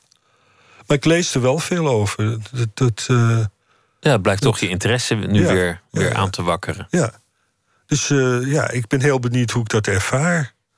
Want het is natuurlijk wel iets, iets, heel anders dan, dan. Ik ben er nog nooit geweest, ik heb geen idee. Maar ik heb er ook helemaal geen, geen familie of weet ik veel wat. Of, dus het, het is natuurlijk wel interessant, lijkt mij. Lijkt me ook. De, de reprise die is uh, te zien bij toneelgroep Amsterdam met Gijs Scholt van Aschat in de, de hoofdrol van uh, De Stille Kracht. En met uh, Rob Malash als nou ja, een, een, een figurant met, met, een wat grotere rol dan de gemiddelde figurant. De, de, de, Indische bediende. En de... niet te vergeten onze geliefde Halina Rijn. Oh ja, ja, ook, ja ik vond het een, vond het een mooie voorstelling. Maar zo twee jaar geleden dat ik die zag. In, in Duitsland. In Duitsland. Ja, dit is de try-out, ja. Dankjewel Rob Malash dat je te gast wilde zijn. En heel veel succes nou. met al je verdere avonturen en alles wat je nog gaat doen. Dankjewel. Nou, jij bedankt. En zo meteen gaan we verder met uh, Nooit meer slapen. En uh, dan hebben we onder meer een verhaal van Thomas Herma van Vos. En Thomas Verbocht komt op bezoek om te praten over zijn nieuwe roman... Hoe alles moest beginnen. Twitter, het VPRO-NMS. En u kunt zich abonneren op de podcast via de site van de VPRO. vpro.nl slash Nooit meer slapen.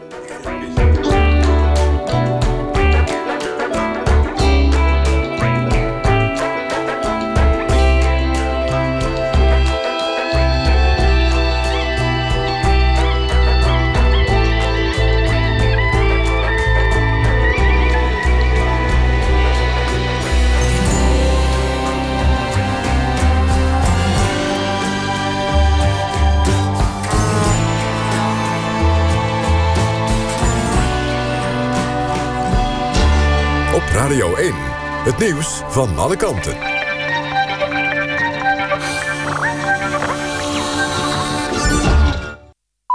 1 uur, Mark Hokker met het NOS-journaal. Er moet veel meer nadruk komen op het belang van de gemeenschap... in plaats van het individu. Dat heeft CDA-leider Buma gezegd in de HJ Schoollezing in Amsterdam. Volgens hem is er te veel aandacht geweest voor begrippen als vrijheid en gelijkheid... en juist te weinig voor cultuur, identiteit en omgangsvormen.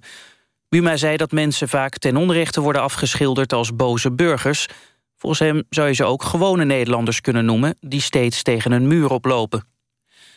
Autosportfederatie FIA onderzoekt wat er is misgegaan... op het circuit van Zandvoort zaterdag. Tijdens de Historic Grand Prix vloog een Franse coureur... in de eerste ronde uit de bocht. Zijn oude bolide uit 1970 knalde uit elkaar. De coureur werd gereanimeerd. Hij ligt in kritieke toestand in het ziekenhuis... Het driedaagse evenement in Zandvoort ging na de crash door. In Eindhoven zijn wandelaars aangevallen door een zwerm hoornaars. Dat zijn grote wespen.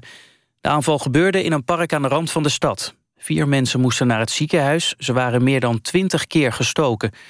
De wespen vielen ook de hond van een van de wandelaars aan. Hoornaars kunnen meer dan drie centimeter groot worden. Een steek in bijvoorbeeld de hals of mond kan gevaarlijk zijn. De Afrikaanse voetbalkampioen Cameroen gaat niet naar het WK in Rusland.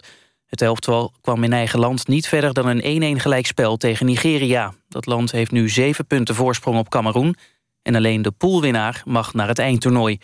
Cameroen won in januari nog de Afrika Cup. In Europa werd ook gevoetbald voor WK-kwalificatie. Duitsland won met 6-0 van Noorwegen en lijkt zeker van het WK. En ook Engeland deed goede zaken door met 2-1 van Slowakije te winnen. Engeland staat daardoor vijf punten voor op nummer 2 Slowakije. Het weer vrij bewolkt met lokaal kans op een buitje. De temperatuur zakt naar 12 tot 15 graden. Overdag bewolkt met af en toe zon. Vooral later op de dag kan wat regen vallen. Het wordt 20 tot 24 graden. Dit was het NOS Journaal. NPO Radio 1. VPRO. Nooit meer slapen.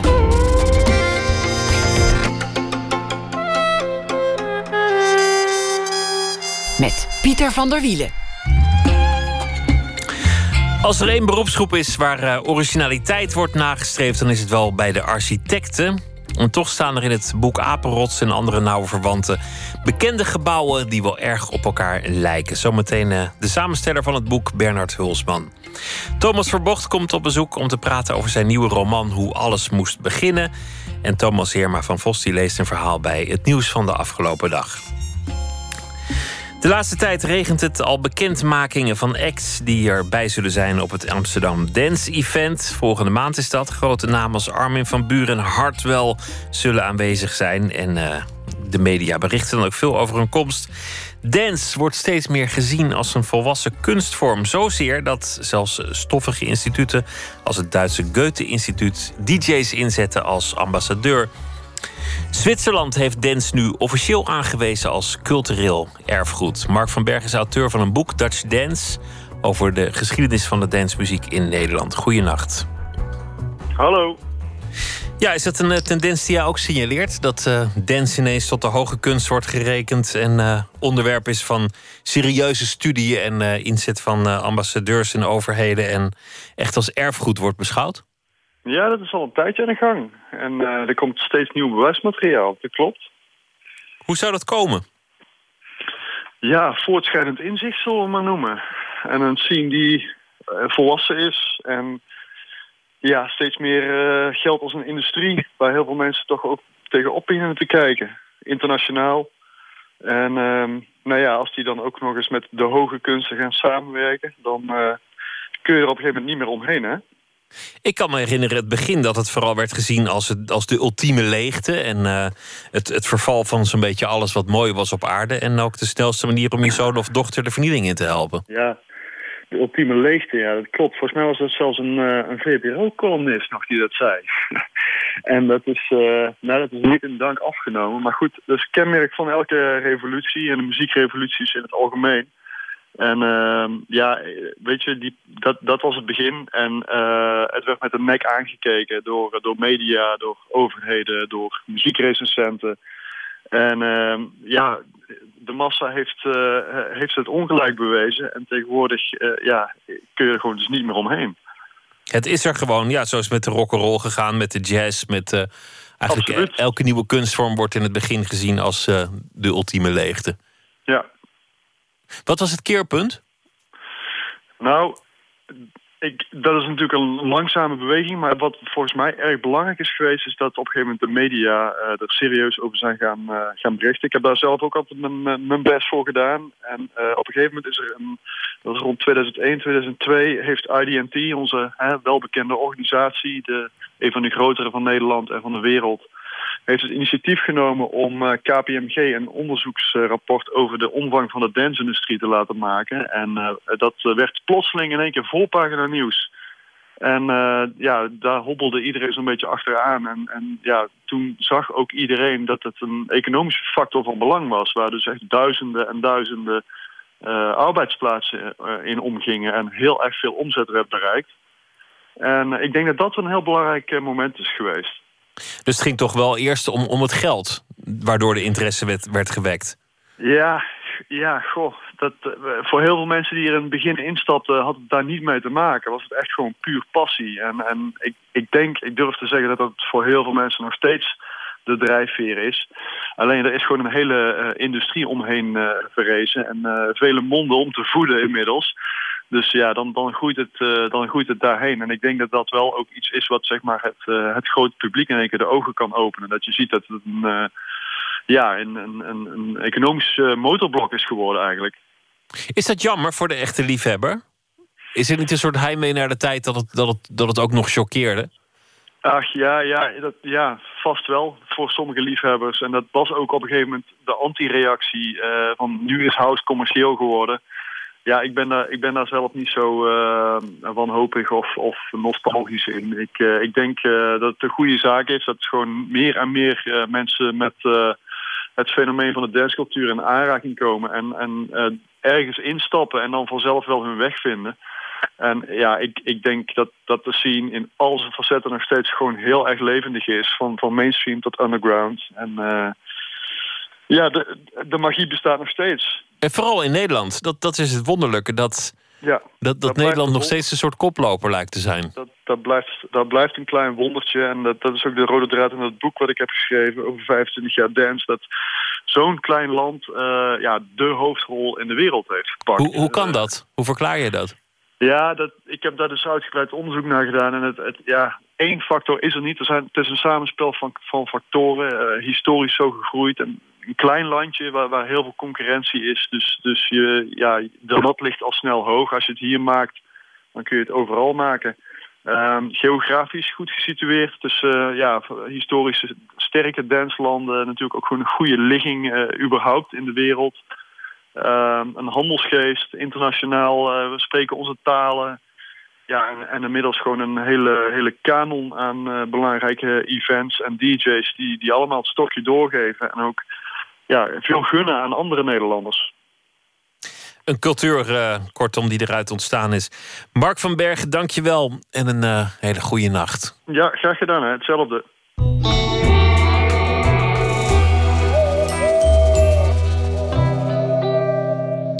Na drie jaar eh, komt er weer een nieuwe plaat van Beck. Colors wordt de titel en dit is de nieuwe single Dear Life.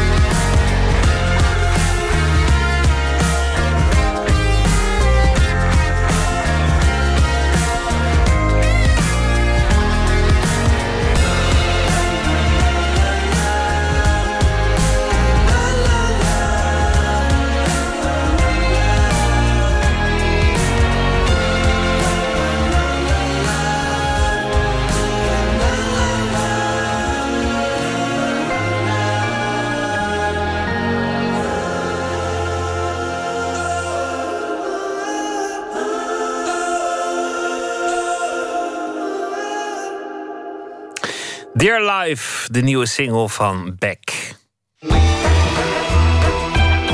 Nooit meer slapen. De Rotterdammers zijn al jaren trots op de Erasmusbrug, het beeldmerk van de stad. Maar hij lijkt wel erg op de Alamilo-brug in Sevilla. Breda is blij met de popzaal Mets. Al lijkt hij ook wel erg veel op uh, de multimediazaal van het Openluchtmuseum in Arnhem. Volgens architectuurcriticus Bernard Hulsman zijn er veel van dat soort gebouwen die wel erg op elkaar lijken. En dat is nou net wat architecten natuurlijk niet willen. Ze willen namelijk origineel zijn. Hij heeft een boek geschreven, Apenrotsen en andere nauwe verwanten. En daarin bespreekt hij de wereldarchitectuur aan de hand van gebouwen die op elkaar lijken. Verslaggever Nicole Terborg die spreekt hem bij het Zaanse Stadhuis in de binnenstad van Zaandam. Architectuur is eigenlijk de, enige tak van kunst waar dat nog heerst. In, in de beeldende kunst is het ook geen probleem meer dat uh, schilders wie figuratief schilderen of expressionistisch. Hè. niet iedereen hoeft abstract te schilderen. One, two, three, four, get it! In de popmuziek is het volkomen geaccepteerd. Uh, dat hergebruik. Dat, niemand zou zeggen, ja, als je James Brown hergebruikt, dan, dan pik je. Uh, werd in het begin wel gezegd, maar dat is nu volkomen ge geaccepteerd. En zoiets als uh, New Soul, hè, Neo Soul van uh, D'Angelo... Nou, dat grijpt ook terug op de oude soul uit de jaren 60 en 70. Niemand vindt het erg. En in de architectuur is dat voor veel architectuurcritici nog steeds een probleem. Teruggrijpen op de traditie is nog steeds taboe. En het gebeurt natuurlijk ook in de architectuur. Alleen, het wordt nog steeds niet geaccepteerd door veel architecten en, en critici, heb ik gemerkt. Ik ontmoet Bernard Hulsman in het stadshart van Zaandam. Omringd door nieuwbouw die lijkt op de historische groene huizen op de Zaanse Schans. Daar vertelt hij over wat hij een taboe noemt in de Nederlandse architectuur. Vier jaar geleden, bij het verschijnen van Double Dutch, zijn vorig boek, komt hij erachter dat het benoemen van verwantschap tussen gebouwen of het mooi vinden van ontwerpen die teruggrijpen op oude tradities nog steeds niet geaccepteerd is. Toen ik een vorig boek schreef, uh, merkte ik dat het helemaal niet voorbij was. En toen kreeg ik nog heel wat over me heen. Double Dutch, ja. En, en, daar stel ik vast dat uh, uh, in Nederland je twee grote bewegingen kon zien... in de architectuur van de laatste 30 jaar. Aan de ene kant de superhippe, super Dutch architectuur van Rem Koolhaas, Ben van Berkel, noem ze maar op. De, de supermodernisten, zoals ze ook al worden genoemd. Maar aan de andere kant zag je dingen opkomen, zoals hier in, in Zaandam... Uh, postmoderne, traditionele architectuur. Teruggrijpen op klassieke vormen? Teruggrijpen op de geschiedenis, op klassieke vormen, op wat je maar wil, maar op de geschiedenis. En eigenlijk was dat uh, een, een, veel grotere stroming dan dat supermodernisme. En in dat boek stel ik dus vast dat de Nederlandse architectuur twee kanten heeft. En uh, ja, dan krijg je toch reacties van je collega's. Uh, terwijl ik dacht dat het geaccepteerd was. Dat die hele strijd tussen traditionele en moderne, dat het voorbij was. Krijg je toch nog een hoop, nou echt stront wel over je heen. Ja. Nou, het, het, begon al met, met een uh, architectuurcriticus van de architect, Sander Woerdman. Die begon te twitteren van onbegrijpelijke passage. Uh, zie ik al in de inleiding. Hulsman zegt dat de traditionele architectuur in, in Nederland terug is. Dat was hem blijkbaar helemaal ontgaan. En, uh, nou ja, en toen uh, werd er nog wat getwitterd door anderen. En toen kwam hij met... Uh, ja, het schijnt dat sommige architecten processen hebben aangespannen tegen Hulsman. Alsof ik een soort misdadiger ben. En zij plaatsten een oproep op internet om uit te zoeken wat het dan was. Nou, daar werd er ook weer op gereageerd. Men kon niks vinden. het is ook helemaal niet gebeurd. Maar je wordt dus als een soort misdadiger werd ik af, afgeschilderd... omdat ik alleen maar vaststelde dat er ook naast Rem Koolhaas en al die andere uh, supermodernisten dingen bestaan als het nieuwe centrum van Zaandam of allerlei nieuw traditionele stadjes van Rob Krier enzovoort. Ja, we zitten hier nu bij de ingang van het stadhuis en dan zien we uh, nou, een vrij hoog gebouw van toch wel vier, vijf verdiepingen. Met uh, iets dat op groene planken lijkt, zoals die oude Zaanse huisjes hebben. En een rood pannen dak. En ook nog dakkapellen die versierd zijn met allerlei ornamenten... die je ook in de oude Zaanse architectuur tegenkomt. Als we het hebben over jouw boek, hè, um, en andere nauwe verwanten... waarom heb je dit ontwerp van Soeters, die niet alleen maar dit gebouw heeft ontworpen... maar ook het hele, het hele stadshart... Waarom heb je dat echt als, als exemplarisch genoemd en een grote rol gegeven in je boek? Omdat het nou het meest postmodernistische uh, gebouw en stadscentrum is dat we in Nederland hebben. Dus het is heel extreem. En je kunt heel goed laten zien uh, wat dat postmodernisme en traditionalisme inhoudt. En in de tweede plaats, omdat ik het uh, vooral in uh, stedenbouwkundig opzicht echt goed gedaan vind. Uh, was, het centrum van Zaandam was echt afgrijzelijk. Daar wil je niet zijn. Er kwam ook niemand. Open vlaktes met, met akelige gebouwen erin. En altijd wind en een snelweg die er langs liep. En nu kom je het station uit en je loopt over een klinkerstraatje naar de bioscopen toe. Iets verderop is weer een grachtje uitgegraven. En het is weer een beetje het oude Zaandam. Nou, verwant gaat over imitatie. En als je uh, wilt zien hoe imitatie in architectuur werkt... dan kun je nergens beter zijn dan in Zaandam. Want Soeters uh, schaamt zich daar ook helemaal niet voor. Die zegt, ja, nou ja, zo werkt architectuur al eeuwenlang. En eigenlijk werkt het ook zo in het modernisme. Want modernistische architecten als Le Corbusier en Mies van der Rohe... hebben een paar uitvindingen gedaan, vondsten... En die zijn eindeloos nagevolgd. Dat is ook zo vreemd van, van het modernisme. Er is een eis tot originaliteit, maar ook daarin is er eindeloos geïmiteerd. Uh, en nou, Soeters laat dat gewoon zien, hoe architectuur werkt. Ja, we zien hier een, een voorgevel van het gebouw. Ja, uh, we zien natuurlijk de Zaanse vormen, dat groen, dat herkennen we. Maar we zien bijvoorbeeld ook computerspel Tetris. Wat heel veel mensen kennen. Hè? Al die blokjes, verschillende kleurtjes. Zie je er een terug? Ja. En hier, hier zie je de, uh, dat is al een driehoek met wat uh, witte strepen. Bij het dak is dat, hè? Ja. De voorkant van het dak. En dat is een verwijzing naar de ingang van het Louvre. Die uh, bestaat uit een glazen piramide van de Amerikaanse architect Pei. En zo zijn al die delen van die vier gevels waaruit het stadhuis bestaat... die bevatten verwijzingen naar andere architectuur. En uh, Soeter zegt, kijk, zo ging het vroeger uh, uh, altijd. een, een façade werd gewoon versierd met klassieke elementen. En die haalde je uit een, een stijlboek van Palladio of Scamozzi. En daar ging je een beetje variëren. En dat was het dan. Artikelen over gebouwen die op elkaar lijken... die Bernard eerder heeft geschreven voor NRC... vormen de basis van dit boek. Ook staan er interviews in met sleutelfiguren uit de 20e eeuwse architectuur. En wat steeds terugkomt in het boek is moralisme. Bijvoorbeeld de tendens dat imitatie en het herontdekken van klassieke bouwkunst niet goed is. mijn nieuwe boek is daar ook een zoektocht naar. En uiteindelijk komt het erop neer dat uh, de meeste architecten, ook critici, vinden dat je eigen tijds moet zijn. En uh, um, dat heeft ook weer hele uh, lange wortels die teruggaan weer tot de romantiek. Want toen ontstond er het idee dat er een vooruitgang is in de geschiedenis. Filosofen als Hegel en Schlegel die, die hadden het erover. En uh, elke tijdperk krijgt zijn nieuwe stijl. En uh, dus gingen architecten heel erg op zoek telkens naar een nieuwe stijl. Bij de, nieuwe maatschappij, bij een, nieuw tijdperk in de geschiedenis hoort een nieuwe stijl. En architecten die dan teruggrijpen op iets uit de geschiedenis, die zijn tegen de vooruitgang. Zijn de laatste 30 jaar zijn vrij veel processen gevoerd over plagiaat en imitatie. En uh, vroeger was imitatie natuurlijk helemaal geen probleem. Dat leerde je dat tijdens je opleiding. En zo werkt de architectuur. Maar door het modernisme door de ro romantische houding eigenlijk uh, uh, over architectuur, dat je origineel moet zijn en dat soort dingen, is dat een probleem geworden. En vanmiddag rond half vier arriveerde koningin Beatrix op het stadhuis. Ze werd ontvangen door burgemeester Peper.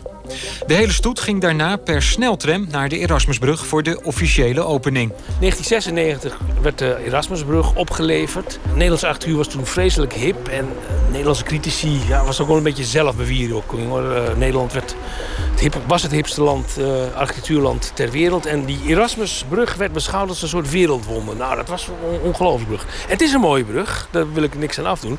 Maar hij lijkt wel erg veel op een brug in Sevilla van Santiago Calatrava. Ook zo'n piloon die naar achteren staat. En ik schreef toen van, nou ja, uh, hoor eens even, een hele mooie brug hoor, maar het is geen uh, wereldwonder. Uh, want er is een brug in Sevilla, daar lijkt hij op. En eigenlijk vind ik die brug in Sevilla mooier en beter. En ik, ik vermeed uitdrukkelijk het woord plagiaat. Ik, ik schreef zelfs nog dat je beslist niet van plagiaat kon spreken, omdat ik weet hoe gevoelig dat ligt bij architecten. En toen kreeg ik toch een hele dikke fax van Ben van Berkels advocaat opgestuurd... waarin hij een proces aankondigde wegens reputatieschade. En hij stelde mij en NRC Handelsblad, waarin het artikel was verschenen... aansprakelijk voor de schade die Ben van Berkel zou leiden door dit artikel. ik dacht ook van ja, het is onzin, dus laat het maar voor de rechter komen. Maar zover is het niet gekomen. Uh, uh, de advocaat is met de hoofdredactie gaan praten. En toen was uh, Van Berkel en zijn advocaat waren tevreden met een ingezonden brief waarin Van Berkel uitlegde dat ik totaal geen verstand had van architectuur en techniek.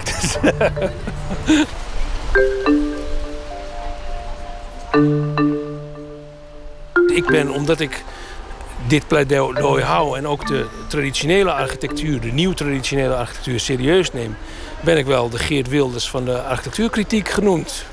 Ja, dat kun je toch ook wel karaktermoord uh, noemen. Terwijl, ik heb, op zichzelf heb ik helemaal niks tegen modernistische architectuur. Uh, ik ben een bewonderaar van het werk van Le Corbusier. Niet zijn stedenbouw, hoor, maar wel zijn, zijn gebouwen. En uh, sommige gebouwen van Remcolas vind ik ook heel goed. En een bureau als uh, MVRDV, prima bureau en mooi werk gemaakt. Maar het gaat voor mij verder dan de stijlvraag. En er staan, bestaan geen goede en foute stijlen. Dat is eigenlijk wat ik met dit boek wil duidelijk maken. Apenrotsen en andere nauwe verwanten van Bernard Hulsman verschijnt vrijdag. Een bijdrage van Nicole Terborg. Schrijver Thomas Verbocht is hier en hij uh, gaat de komende maanden op tournee samen met zangeres Beatrice van der Poel. Muziek en verhalen komen samen in de voorstelling Montere Weemoed. En uh, we gaan maar luisteren naar Beatrice met het nummer De Tinteling.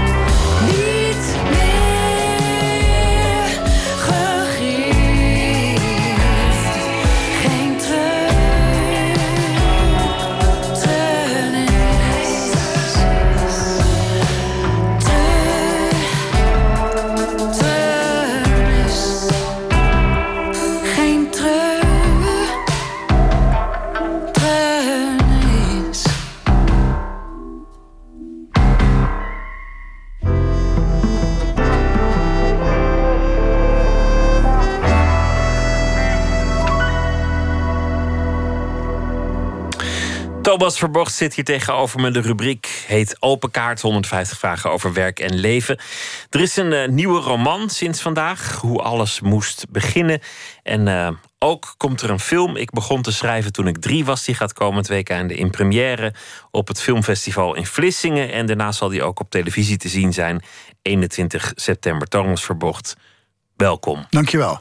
En dubbel gefeliciteerd. En met het boek en met de film. Twee ja. Uh, ja. feestelijke momenten in, in, in één week eigenlijk. Ja, mooie momenten, ook wel ingrijpende momenten. Ik bedoel, zo'n die, die, die, die, die film die natuurlijk heel veel met mij, ook veel met het laatste boek te maken heeft, is ook iets wat ik.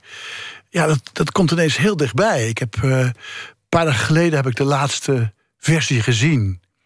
In een grote bioscoop op een groot scherm. En uh, ik zat met, met, met de regisseuse en de mensen van het geluid in de, in, de, in de zaal. Ik zat een beetje achteraf. Nou, het kwam wel, het kwam wel enorm. Ja, het kwam behoorlijk aan. In de goede zin hoor. Ik denk dat is goed gedaan, dacht ik. Het, is goed, het, is, het, het is, komt heel dicht in mijn, in mijn ziel, om het, dat, dat woord maar eens te gebruiken. Maar ook heel dicht inderdaad in mijn leven. En daardoor ook heel dicht in de kern van mijn werk. Het is een, het is een tamelijk artistieke film. Maar het gaat echt over, over wat de kern is van jouw schrijverschap. Ja, ja. En, en dat begint toch wel in jouw jeugd, in je hele jonge jaren al. Ja, dat is, dat is kijk, uh, ik heb heel lang met Ditteke Mensink, de regisseur, gesproken over deze film. En ze kennen mijn werk goed en ze hield er uh, gelukkig van. En, uh, en, en een paar keer in mijn romans, en zeker in Als de Winter voorbij is, en zeker in dit, in dit boek, wat toen nog een aanbouw was, speelt, een, speelt, een, speelt een rol het moment waarop mijn geheugen begint te werken. Normaal is dat zo rond je vierde. Iets later bij mij was het bij me toen ik, toen ik ongeveer drie was. Toen ik met een, met een ernstige ziekte opgenomen werd in het ziekenhuis. Ik had hersenvliesontsteking, was verlamd. En, en, uh, en, het, en het allerergste wat ik van die ziekte had ik verder geen, natuurlijk geen benul, behalve dat ik enorme, enorme hoofdpijn had en, en besefte dat ik mijn benen niet meer kon bewegen. Terwijl ik had pas had leren lopen. Maar het allerergste was dat mijn ouders niet bij me mochten komen. Ik lag dus geïsoleerd in een glazen bak.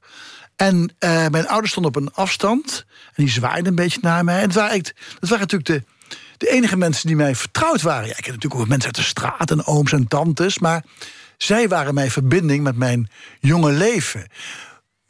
Waar, ik dus verder. Ik, had, ik heb daar verder helemaal geen, geen, natuurlijk geen scherpe herinneringen aan. Alleen een soort vage sensatie van geluk en van licht en van mijn, de opgetogenheid van mijn ouders. Maar dat is allemaal niet concreet. Maar wat ik wel besefte toen uit het ziekenhuis. Er is nu iets, af, er is nu iets heel anders aan de hand. Maar ik zeg het in de woorden van nu. Maar er is iets afgelopen. Zij staan daar en ik lig hier.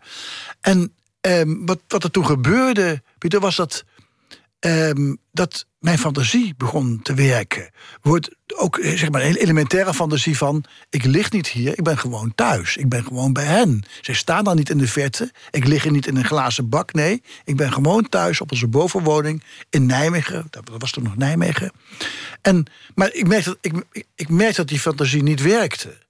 Dus ik begon ook. Ik begon ja, ik, ik, zeg, ik gebruik nu het woord bedenken, het woord fantasie, dat zijn woorden die ik natuurlijk helemaal niet kende. Maar ik merkte wel dat ik langzaam verdwaalde in gedachten over een, over een plek die zich niet daar, of die niet daar was. Je eigen wereld begon je te Ja, creëren. Dat, dat, jongetje die, die Ja. kreeg ineens de, de, de macht van de fantasie in handen. Ja, En, en die verzond een eigen plek waar die ja. Op zichzelf was of niet, en- of- Ja, dat, en, en, dat is, kijk, en dat is iets wat, wat Ditteke eh, heeft proberen te vangen in, in deze film. En dat is ook iets wat in mijn boek, mijn roman... Hoe alles moest beginnen, ook een grote rol speelt. Het verzonnen leven, de verbeelding. Hè? Dus het, zeg maar, een wereld die zich afspeelt... naast de wereld waarin je je dagelijkse dingen doet. Wat die dagelijkse dingen ook zijn. Kijk, toen was het dus... Het dagelijks leven was toen liggen in een glazen bak. Maar goed, later was het het leven weer thuiskomen, opnieuw leren lopen, hè, eh, aansterken, want ik was heel erg verzwakt. En langzamerhand dingen gaan doen die een kind van drie vier doet. Maar ik was ondertussen al wel al bezig met, er is een ander leven. En kijk, terwijl het dus in mijn in die ziekenhuisperiode was, was het een soort gevoel van, van redding, een toevluchtsoord. En daarna was het ook iets van wat ik lekker, gewoon, oh ja, lekker vond ook. Gewoon iets te bedenken terwijl ik naar school gebracht werd of naar school liep of door de buurt wandelde. Dat dat er iets anders was nog. Behalve, behalve het leven dat ik om me heen zag, was er ook nog een leven in mijn hoofd. En als ik daar sterk aan dacht, werd dat leven ook heel erg echt. En, en uh, ja, dat, dat, dat is altijd bij me geweest. En ik, ik merkte ook als kind. Ik, ik was graag alleen. En dat is verder helemaal niet, helemaal niet zielig, want het was echt een keuze. Ik, ik, ik speel ook wel buiten natuurlijk, maar ik was graag alleen en zat een beetje te tekenen. En, een beetje, en toen ik kon, kon schrijven op de lagere school, zat ik kleine verhaaltjes te schrijven. Dat wilde ik heel graag. Dus daar was de kiem voor het schrijverschap al, al gelegd. Ja. Je laatste boek gaat over een, een kindervriendschap. Ja. Een, een ontluikende liefde, maar op, op een leeftijd dat het nog niet echt echte liefde is zoals je dat uh, later ook uh, consumeert.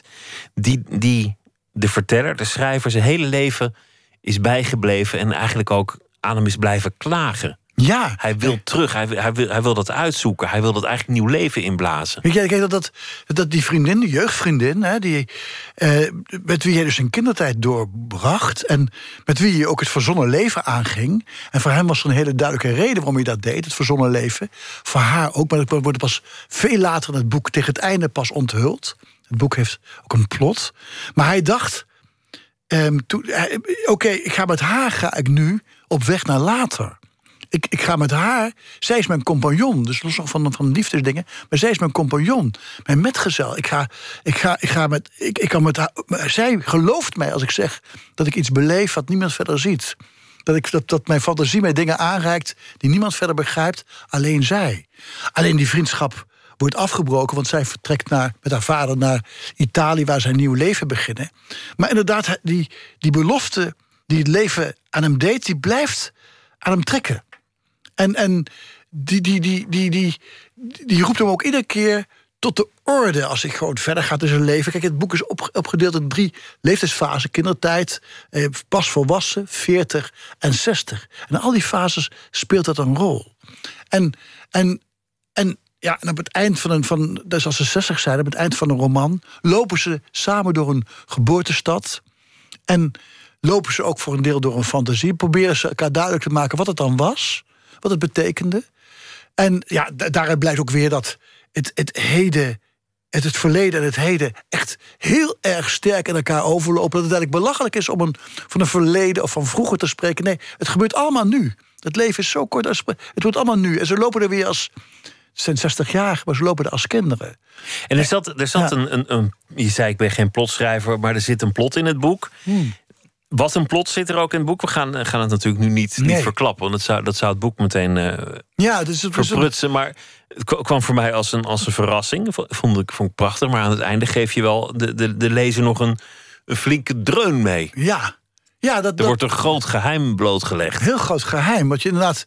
Wat, wat dus wel een heel klein beetje aan. Dat, dat, dat, ja, dat vind ik natuurlijk als schrijver ook heel erg lekker om aan te werken. Dat je het heel erg iedere keer heel subtiel aankondigt. Dat de lezer wel vaag gealarmeerd wordt. Er is iets, maar niet weet wat. En op een gegeven moment vergeet je het ook weer. En ineens komt het weer aan de orde en dan bang, is die plot daar. En dat is een. Ik, ja, dus ik, ik hoor dus van de. Nou, niet zoveel mensen hebben het gelezen, want het ligt pas in de winkel. Maar dat het behoorlijk overrompelend is. Maar dat vind ik, vind ik heel prima. En het eindigt dan ook weer heel. Daarna gaat het zich weer, eindigt het weer heel zacht. Hoop ik, geloof ik. Het is ook een persoonlijk boek voor jou. Jazeker. Het is natuurlijk allemaal fantasie, maar het is, het is, het is tegelijk ook een heel persoonlijk boek. Ja, daarom heet hij ook een van de hoofdpersonen heet ook Thomas. En, en um, Kijk, het is niet, niet strikt autobiografisch, maar wel heel veel autobiografisch. En dus, dit, dit boek zat, al zat, zit, zat mij al op de deur te kloppen toen ik uh, aan mijn vorige boek, Als de Winter Voorbij is, werkte. En toen dacht ik, oké, ik, met, met, met Als de Winter Voorbij is, maak ik nu ruimte voor dit boek. En dit is een boek wat ik eigenlijk al heel, niet eigenlijk, dat ik al heel erg lang wil schrijven. Een boek dat heel erg lang al in mij zit. Een boek waarvan ik denk, ja, dat klinkt heel pathetisch, Pieter, maar ik denk, dit is wel mijn leven, denk ik. Toen ik, toen ik dit afhad, toen dacht ik, stel dat iemand mij nou verbiedt om verder te schrijven, of dat ik dat niet meer kan, weet ik veel wat. Hè, dan denk ik, oké, dit heb ik gemaakt, dit moest gebeuren, daarvoor heb ik het allemaal gedaan. En dat is natuurlijk dat is een gedachte ja, die ik ook een beetje oppoets. En, en, maar, eh, en die ik ook een beetje triomfantelijk omhoog houd, alsof het een trofee is. Maar die is er wel. Ik dacht, oké, dit is dit, dit, heb ik, dit, heb ik, dit heb ik zo lang, al zo graag, zo hartstochtelijk graag willen maken. En ik moest het een keer opschrijven. En nu is het gebeurd. Nu is het er. Ja, het is er. En, en uh, ik heb ook het gevoel, ik heb nou ook wel iets afgerond. En het, is, het staat er nu. En, en ik, ben, ik, ben er, ik ben er heel erg blij mee en trots op. Het voelt, het voelt ook heel goed aan, dit boek. Zullen we beginnen met die kaarten? We hebben ja. dit alles gedaan, maar, ja. maar er zijn er 150. Ja, de vorige keer zei moest ik op beantwoorden... ben je aangekomen met justitie, dat soort dingen. Ik dacht, goed, ik zal... zal oh ja. Ik zal, zal ik gewoon... Ik, ja. Maar maakt niet uit, ik pak deze. Ik pak deze. Wat zei je toen met de justitie? Dat, dat weet ik niet meer precies. Nou zie je, dan zitten weer al die kaarten te doen... en dan weten we, we herinneren we het niet eens. Waardoor werd je in je werk belemmerd? Um, nou, ik, ik, ik, ik werk zo dat ik eigenlijk nooit belemmerd kan worden. Um, ik, nergens in. Kijk, bij mij is het zo uh, dat ik dus uh, heel lang over een boek nadenk. Misschien wel een jaar. Dat ik echt dat boek beleef. Ik ga echt helemaal op. Terwijl ik nog nauwelijks een woord geschreven heb. En bij dit boek was het ook zo. Dat ik had er echt over nagedacht. En zeg maar in oktober vorig jaar, september, half september mooie maand om iets te beginnen, september. Begon ik aan het boek. En dan schrijf ik min of meer in één beweging door. En, eind februari was het klaar. En ik, ik hou heel erg van die intensiteit. Want dan, het is dan echt of je, of je het boek van, van, van seconde tot seconde meemaakt. En daar ben ik wel een beetje aan verslaafd. En daar belemmert mij niets in. En, en um, dat klinkt dan weer, weer zo makkelijk. Maar kijk, ja, nee, ik, ik, ik, als het zo boek, als het in mijn hoofd zit, dan dan dwingt het boek mij ook gewoon tot, tot concentratie, tot, tot tijdsinvestering, tot, tot ja, alles opgeven daarvoor. Dat vind ik helemaal geen probleem. Nee, ik word niet belemmerd. Nee. Laat je niet gebeuren. Nee. Laten we nog een vraag doen. Um, welke rol had je als kind in het gezin? Oh, dat is, dat is wel een interessante. Ja, dat vind ik een heel interessante want, vraag. Want je, want je was ziek, hersenvliesontsteking, bijna dood ook. Ik bedoel, ja. daar kan je aan dood gaan ja. als je niet oppast. Ja, dat speelt natuurlijk in het boek ook een grote rol. Ik was de oudste zoon. Hè, en mijn, mijn, mijn, ik, mijn ouders waren zeg maar, in 1950 getrouwd. En ik kwam in, uh, of 51, weet ik niet. Ik kwam in 52, in december 52. Um, ik, was dus, ik was dus echt de, de oudste zoon, een jongen op wie ze dus heel, ze waren heel trots op. Ja, dat, dat, dat hoorde ik pas natuurlijk later. En maar, maar natuurlijk, het, toen, ik, dat ik, toen ik zo ziek werd. Um, en en mijn, mijn ouders zeiden heel vaak tegen mij: je had bijna dood kunnen zijn. En dat, dat, dat, het woord dood zei mij toen nog niet zoveel. Ik, ik, ik, ik, ik, wist wat. Ik geloof dat ik een boek ook schrijf. Ik had wel eens een keer een, een dode poes gezien. Maar ik dacht niet eens, die poes is dood, maar dit is dood of zo. Een poes die niet meer beweegt. Maar ik wist niet goed wat het was. Maar wel dat het heel ernstig was. En, en, en um, welke. Ja, mijn, kijk, mijn, mijn, mijn ouders die dachten: oké, die, die verwachten veel van mij. En, um, en ik kon ook niet altijd aan die verwachtingen voldoen, omdat ik ook. Ja, ik was zo'n dromer ook. Ik was ook iemand die. die, die, die ook, ja, dat, dat, ze vonden natuurlijk waarschijnlijk ook een beetje merkwaardig dat ik niet zo speellustig was. En, hè, en, en uh, uh, vooral op, op mijn kamertje zat. Met name mijn vader maakte zich daar grote zorgen over. Van, ja, die fantasie is wel leuk, jongen. Maar je moet ook, moet ook denken aan dat je met andere mensen om moet leren gaan. En je moet werken aan een toekomst. En, en um, dus ja, goed. En ja, ten aanzien van mijn zusjes had ik niet zo'n rol. Maar mijn zusjes kwamen. Uh, één zusje kwam vijf jaar later, één zusje kwam tien jaar later. Dat, dan, dan vorm je geen echt. Ja, je bent wel een gezin, maar je, je trekt niet met elkaar op. Hè? En, en zeker niet als je dan jongen van tien of elf wordt, dan zijn die zusjes zijn eigenlijk hele kleine kinderen. Dus mijn, mijn, mijn, mijn rol was wel oudste zoon, de belofte, maar ik weet niet of ik die helemaal heb waargemaakt. Wel later, toen ik dus debuteerde als schrijver, toen was mijn naam mijn vader heel trots op Mijn moeder ook, maar mijn vader was heel trots op mij. Ja. Zullen we nog één zo'n vraag doen? Ja. Eén, één, uh, kijken of, of we ergens uitkomen, iets, iets heel bijzonders nog. Wie of wat bezorgt jouw plaatsvervangende schaamte? Oeh. Ja, heel veel. Heel veel. Kijk, kijk, eh, misschien heb je ook wel gelezen... ik ben ook wel iemand die zich heel erg verantwoordelijk voelt voor alles. Maar als ik op, op straat bijvoorbeeld... Uh, um, Bijvoorbeeld vanochtend liep, ik eh, bij mij in de buurt eh, op, straat... en toen zag ik een, een, een- jonge vrouw oversteken... maar die liep wat stamelend. En dan komt er een man met een kaalgeschoren hoofd... met een telefoon op, een koptelefoon op. Kop, hoofdtelefoon, hoe zoiets. En die, ehm, die trekt die telefoon af en die roept dan ook... Of, die eh, kanker... wat is dat? Kanker op, eh kankermongool. Tegen die vrouw die alleen maar oversteekt, hè? En dan schaam ik mij ontzettend dat dit gebeurt. En, en, en zit ik me ook zo te schamen dat ik ook even niet toe kom om bijvoorbeeld iets corrigerends te roepen. Of kan het wat rustiger, of weet ik veel wat. Los toch van de vraag wat het verstandig is bij zo'n man. Maar goed, ik schaam mij zo ontzettend dat dit gebeurt. En dat heb ik heel vaak over dat de lelijke dingen, eh, de grove dingen in, in de wereld om mij heen, in een kleine wereld om mij heen, in het dagelijks leven. Dat vind ik verschrikkelijk. Ook als, als mensen zich misdragen. eh, En ik zie dat. En kan ook ten aanzien van een hond zijn of zo. Of, kan me niet schelen. Maar dan, dan, dan trek ik me dat enorm aan. Maar in het centrum van Amsterdam, met name die fietsers, die, die, dat betekent ook niks meer, zo'n scheldkanonade. Nee, maar toch Tien ik- meter verder heeft hij alweer iemand anders Ja, uitgescholden. en, en brullen en weet je wel. En dat, dat, maar dat vind ik, vind ik, vind ik dat maakt de, wereld, dat maakt de wereld zo lelijk. Ik weet niet of het alleen in Amsterdam gebeurt hoor, maar misschien ook wel op andere plekken. En niet in een klein dorp. Maar, maar ehm, Nou, ik, waar, waar ik woon in Leiden, als je iemand uitscheldt, dan kom je hem weer tegen. Of dan blijkt het weer de broer van iemand of de Oh zus. ja, toch, ja, Dus je- ja. je kijkt wel uit. oh, je kijkt van, oh, dat is Je goed. gaat niet in, in, in zo'n binnenstad van, een- van zo'n kleinere stad, ga je niet iemand verrot schelden. Want die, Maar het is wel sociaal, oh ja, zo'n beetje die, kom, sociale die kom je weer ja. tegen. Ja. Nee, dat heb, dat heb ik dus in mijn buurt. Dan moet, zit je bij de tandarts en dan, dan zit die man die je hebt uitgescholden ineens in, in, in je mond te, te, te vroeten. Dus dat Oh ja, wil je niet. dat dus doe je je, niet. je- je houdt je in. Ja. Nee, maar goed, dat, maar dat, ja, dus, maar daar heb ik dus in, in, in, Amsterdam heb ik dus wel, wel last daarvan. En ik, eh, maar ook van, maar überhaupt van alles wat lelijk is, kan ik, daar, kan ik, daar voel schaamte voor. Schaamte. Thomas, dankjewel. Eh komend weekende te zien op Film by the Sea in Vlissingen, de film. 21 september op tv. En het nieuwe boek, dat is belangrijk, eh, ligt in de winkel. Hoe alles moest beginnen. Dankjewel. Didi Bridgewater is hier en het nummer heet Why Am I Treated So Bad?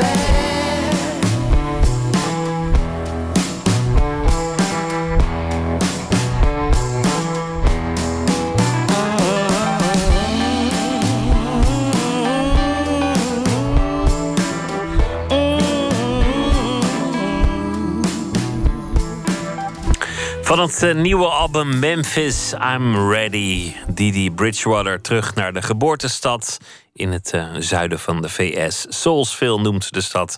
En dit nummer heet eh, Why Am I Treated So Bad? Eén minuut, een reeks verhalen in 60 seconden. En deze is gemaakt door Bente Hamel. De titel is Bamboe. Pst, één minuut. Ik ben heel erg dol op die bamboe met pootjes. En ik vind die zwarte bamboe heel leuk. Hier heb je groene met een eh, geel, geel streepje en, en een bamboe met zwarte vlekken erop. En, en daar heb je bamboe met bobbels onderaan. je voelt je meteen in Azië. In de zomer, als het heel veel jonge bamboe is, dan zie je de lucht niet meer. Het wordt helemaal overwoekerd als je niet oppast. Hieronder, dat is één grote uh, bamboewortel. Het is echt heel taai spul. En ze zeggen ook wel, je krijgt het niet weg. Al brand je het weg, het komt toch weer terug. Eigenlijk vind ik dat best wel apart. Want wij zijn allebei heel eigenwijs. En we zetten dingen graag naar onze hand. Maar eigenlijk is de tuin best wel... Dwingend. Zijn, ja, dwingend in de positieve zin maar van het woord. ik vind het wel leuk. Ja. En dan zou je de beton opstorten. Dan komen nog die wortels terug. We zitten eraan vast.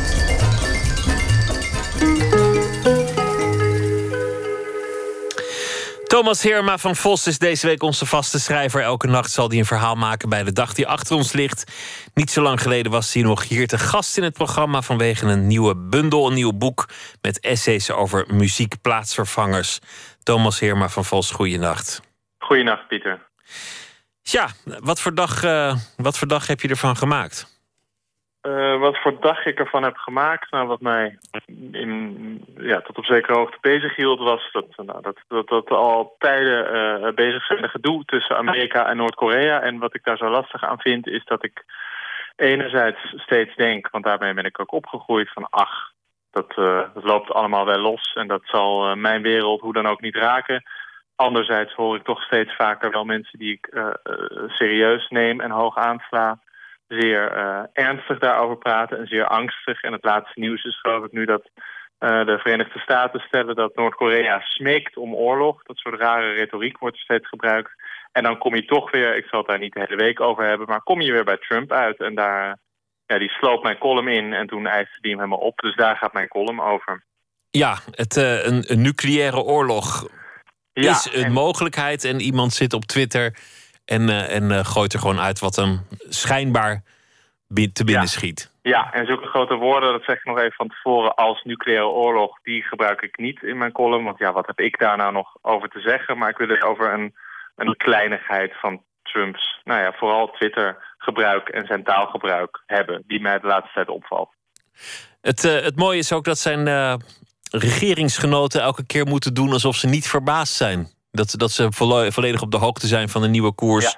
En dat Ja. dit voor hun niet een verrassing is en dat het allemaal besproken is. En eh, je kunt aan de gezichten lezen en vaak ook aan de taalkeuze dat dat helemaal niet, eh, helemaal ja, niet zo is. in, onmogelijke bochten wringen, ja. Ja, dat, eh, en dat zal alleen maar toenemen. Maar goed, mijn column. Ik ben benieuwd naar het verhaal. Ga je gang.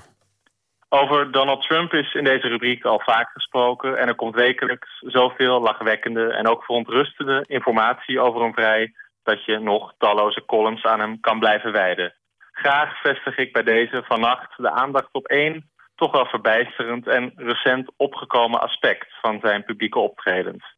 De woordencombinatie thank you. Daar gaat het om. Die woordencombinatie die hij altijd maar herhaalt. Steeds met die grote Trumpiaanse triomf in zijn stem. Hij deed het al tijdens zijn campagne en hij organiseerde na zijn uitverkiezing zelfs een heuse thank you tournee. Een president die dankbaarheid betuigt, ja goed, daar is op zich niet zoveel vreemds aan. Het vreemde zit in de wijze waarop Trump dit doet, de laatste tijd vooral.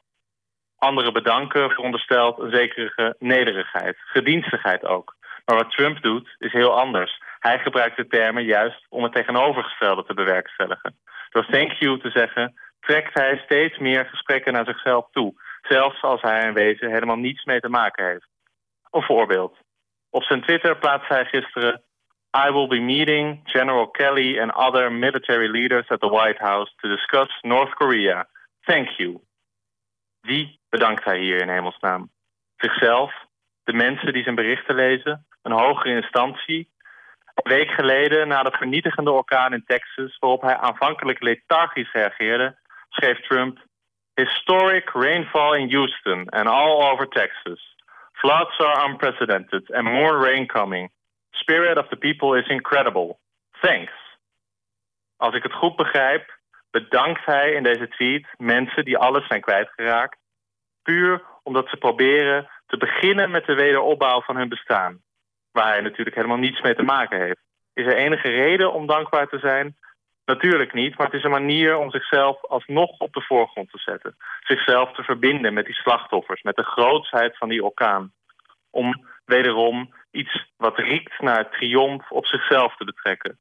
Je kunt Trump omschrijven als een bejaard kind.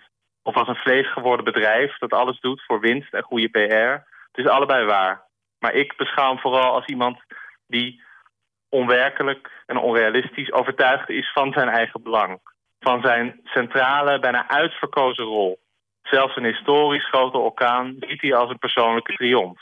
Zelfs zijn nederige zinnen zijn besmet met zijn megalomanie. Het angstaanjagende is niet zozeer dat dat nu pas allemaal aan het licht komt. Het angstaanjagende is volgens mij dat het al lang zichtbaar was voor hij verkozen werd. En de komende tijd blijft hij rustig zitten. Wat er ook gebeurt in die onderzoeken. Hij zal zijn eigen grillige koers blijven varen... en mensen blijven bedanken die niets met hem te maken hebben. Mijn voorspelling, hij maakt straks ook nog een serieuze kans... om in 2020 herkozen te worden. Daar lijkt het wel op dat hij die kans maakt. Omdat dat de mensen die op hem gestemd hebben... die zouden dat voor het grootste deel nog steeds doen. Blijkt uit alle polls tot nu toe. Ja, en daar las ik ook nog een, een verbijsterend onderzoek over... dat volgens mij was dat zes van de tien... in ieder geval een zeer significant en boven de 50% aantal... van de mensen die hem al steunen. Wat er ook over hem gezegd wordt... Ze, ze zijn bereid en zelfs ze willen hem hoe dan ook blijven steunen. Dus er zit een soort hardnekkigheid in. Ja, er, kan, er, kunnen, er kunnen honderd dingen bovenkomen... Maar uh, dat brengt, dat brengt zijn, zijn fanscharen niet uh, geheel aan het wankelen. Nee, want ze geloven CNN en de New York Times niet meer. Nee, en ze geloven hem wel. Ja, dus dan kan je, kan je heel wat roepen en dan gaan ze erin mee. En die trekt dan natuurlijk straks weer alles uit de kast. En er moet nog maar blijken tegenover wie die staat. In, uh, ja, hij maakt er een soort boksering van. En uh, ik kijk daar zeer op neer, voor de duidelijkheid. Ik, ik bedoel het allemaal niet verlekkerd. Maar ik heb het idee dat mensen nu heel makkelijk denken van... goh, een paar jaar, dan is het voorbij. Maar volgens mij werkt dat niet zo eenvoudig... omdat de mechanismes gewoon hetzelfde zijn... als waarmee hij nu in het zadel is geholpen. En hij staat, staat er nu alleen maar sterker voor, volgens mij. Ik zag trouwens een kaartje over Noord-Korea... Over, over de kracht van die uh, atoomwapens. En dan hadden ze dat in verhouding tot Nagasaki en Hiroshima gedaan... En dan waren, waren dat, die, die twee bommen die daadwerkelijk op de stad zijn gegooid... dat waren hele kleine nauwelijks zichtbare stipjes. Een beetje als de, als de, de, de punt van een passer. En, en, dan, en dan al die bommen van nu, dat, dat waren dan aardige inktvlekken. Dus dat bereik is, is tien keer zo groot? Of ja, de, de, de, kracht in, in aantal uh, vergeleken met het aantal megaton TNT. Dus het, uh, ja, het is wel zorgelijk als dat, als dat, uh, dat soort tuig in handen van, van landen als Noord-Korea valt. En als er dan intussen ook nog wordt uitgedaagd via Twitter. Ik, ik, ja, ja, voortdurend stoken en, en nog wat olie op het vuur. En uh, ja, dat, dat, dat, vind ik allemaal heel ver weg en toch ook heel angstig nabij. Angstig nabij en ja. er is niks dat je kunt doen. Thomas, dankjewel. Goeienacht ja, en tot morgen. Goeienacht. Tot morgen, dankjewel. Afgelopen weekende was het uh, festival op Vlieland, Into the Great Wide Open. Zes dichters die verbleven eerder dit jaar op het eiland om zich te laten inspireren. En dat werd allemaal voorgedragen afgelopen weekende. Te beginnen met een uh, titelloos gedicht van de Groningse dichter Joost Omen.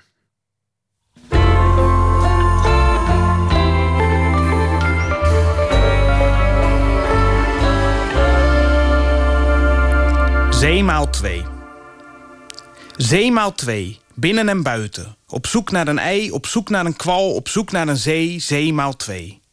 Zeemaal 2, blauw en blauw, geel onder geel, zeemaal 2 met grote ogen bij de horizon is het zeemaal 2, neem spiegel mee. Leg hem vlak, voor de zee, op de zee, zeemaal 2, reken af aan de zee waar de zee wordt de 2. Met grote lange zetten rond de wolken Is de tweemaal zee anderhalf in de zee? Is de zee op zoek naar tweemaal binnen, tweemaal buiten? Wordt de zee nu viermaal zee? Wordt achtmaal zee? Wordt zestienmaal zee? Zestien zee, zestien zee, zestien zee is weg ermee. Tweemaal zee, binnen en buiten. Gele zee op blauwe zee is tweemaal zee. Is zee maal twee, is zee en zee en zee.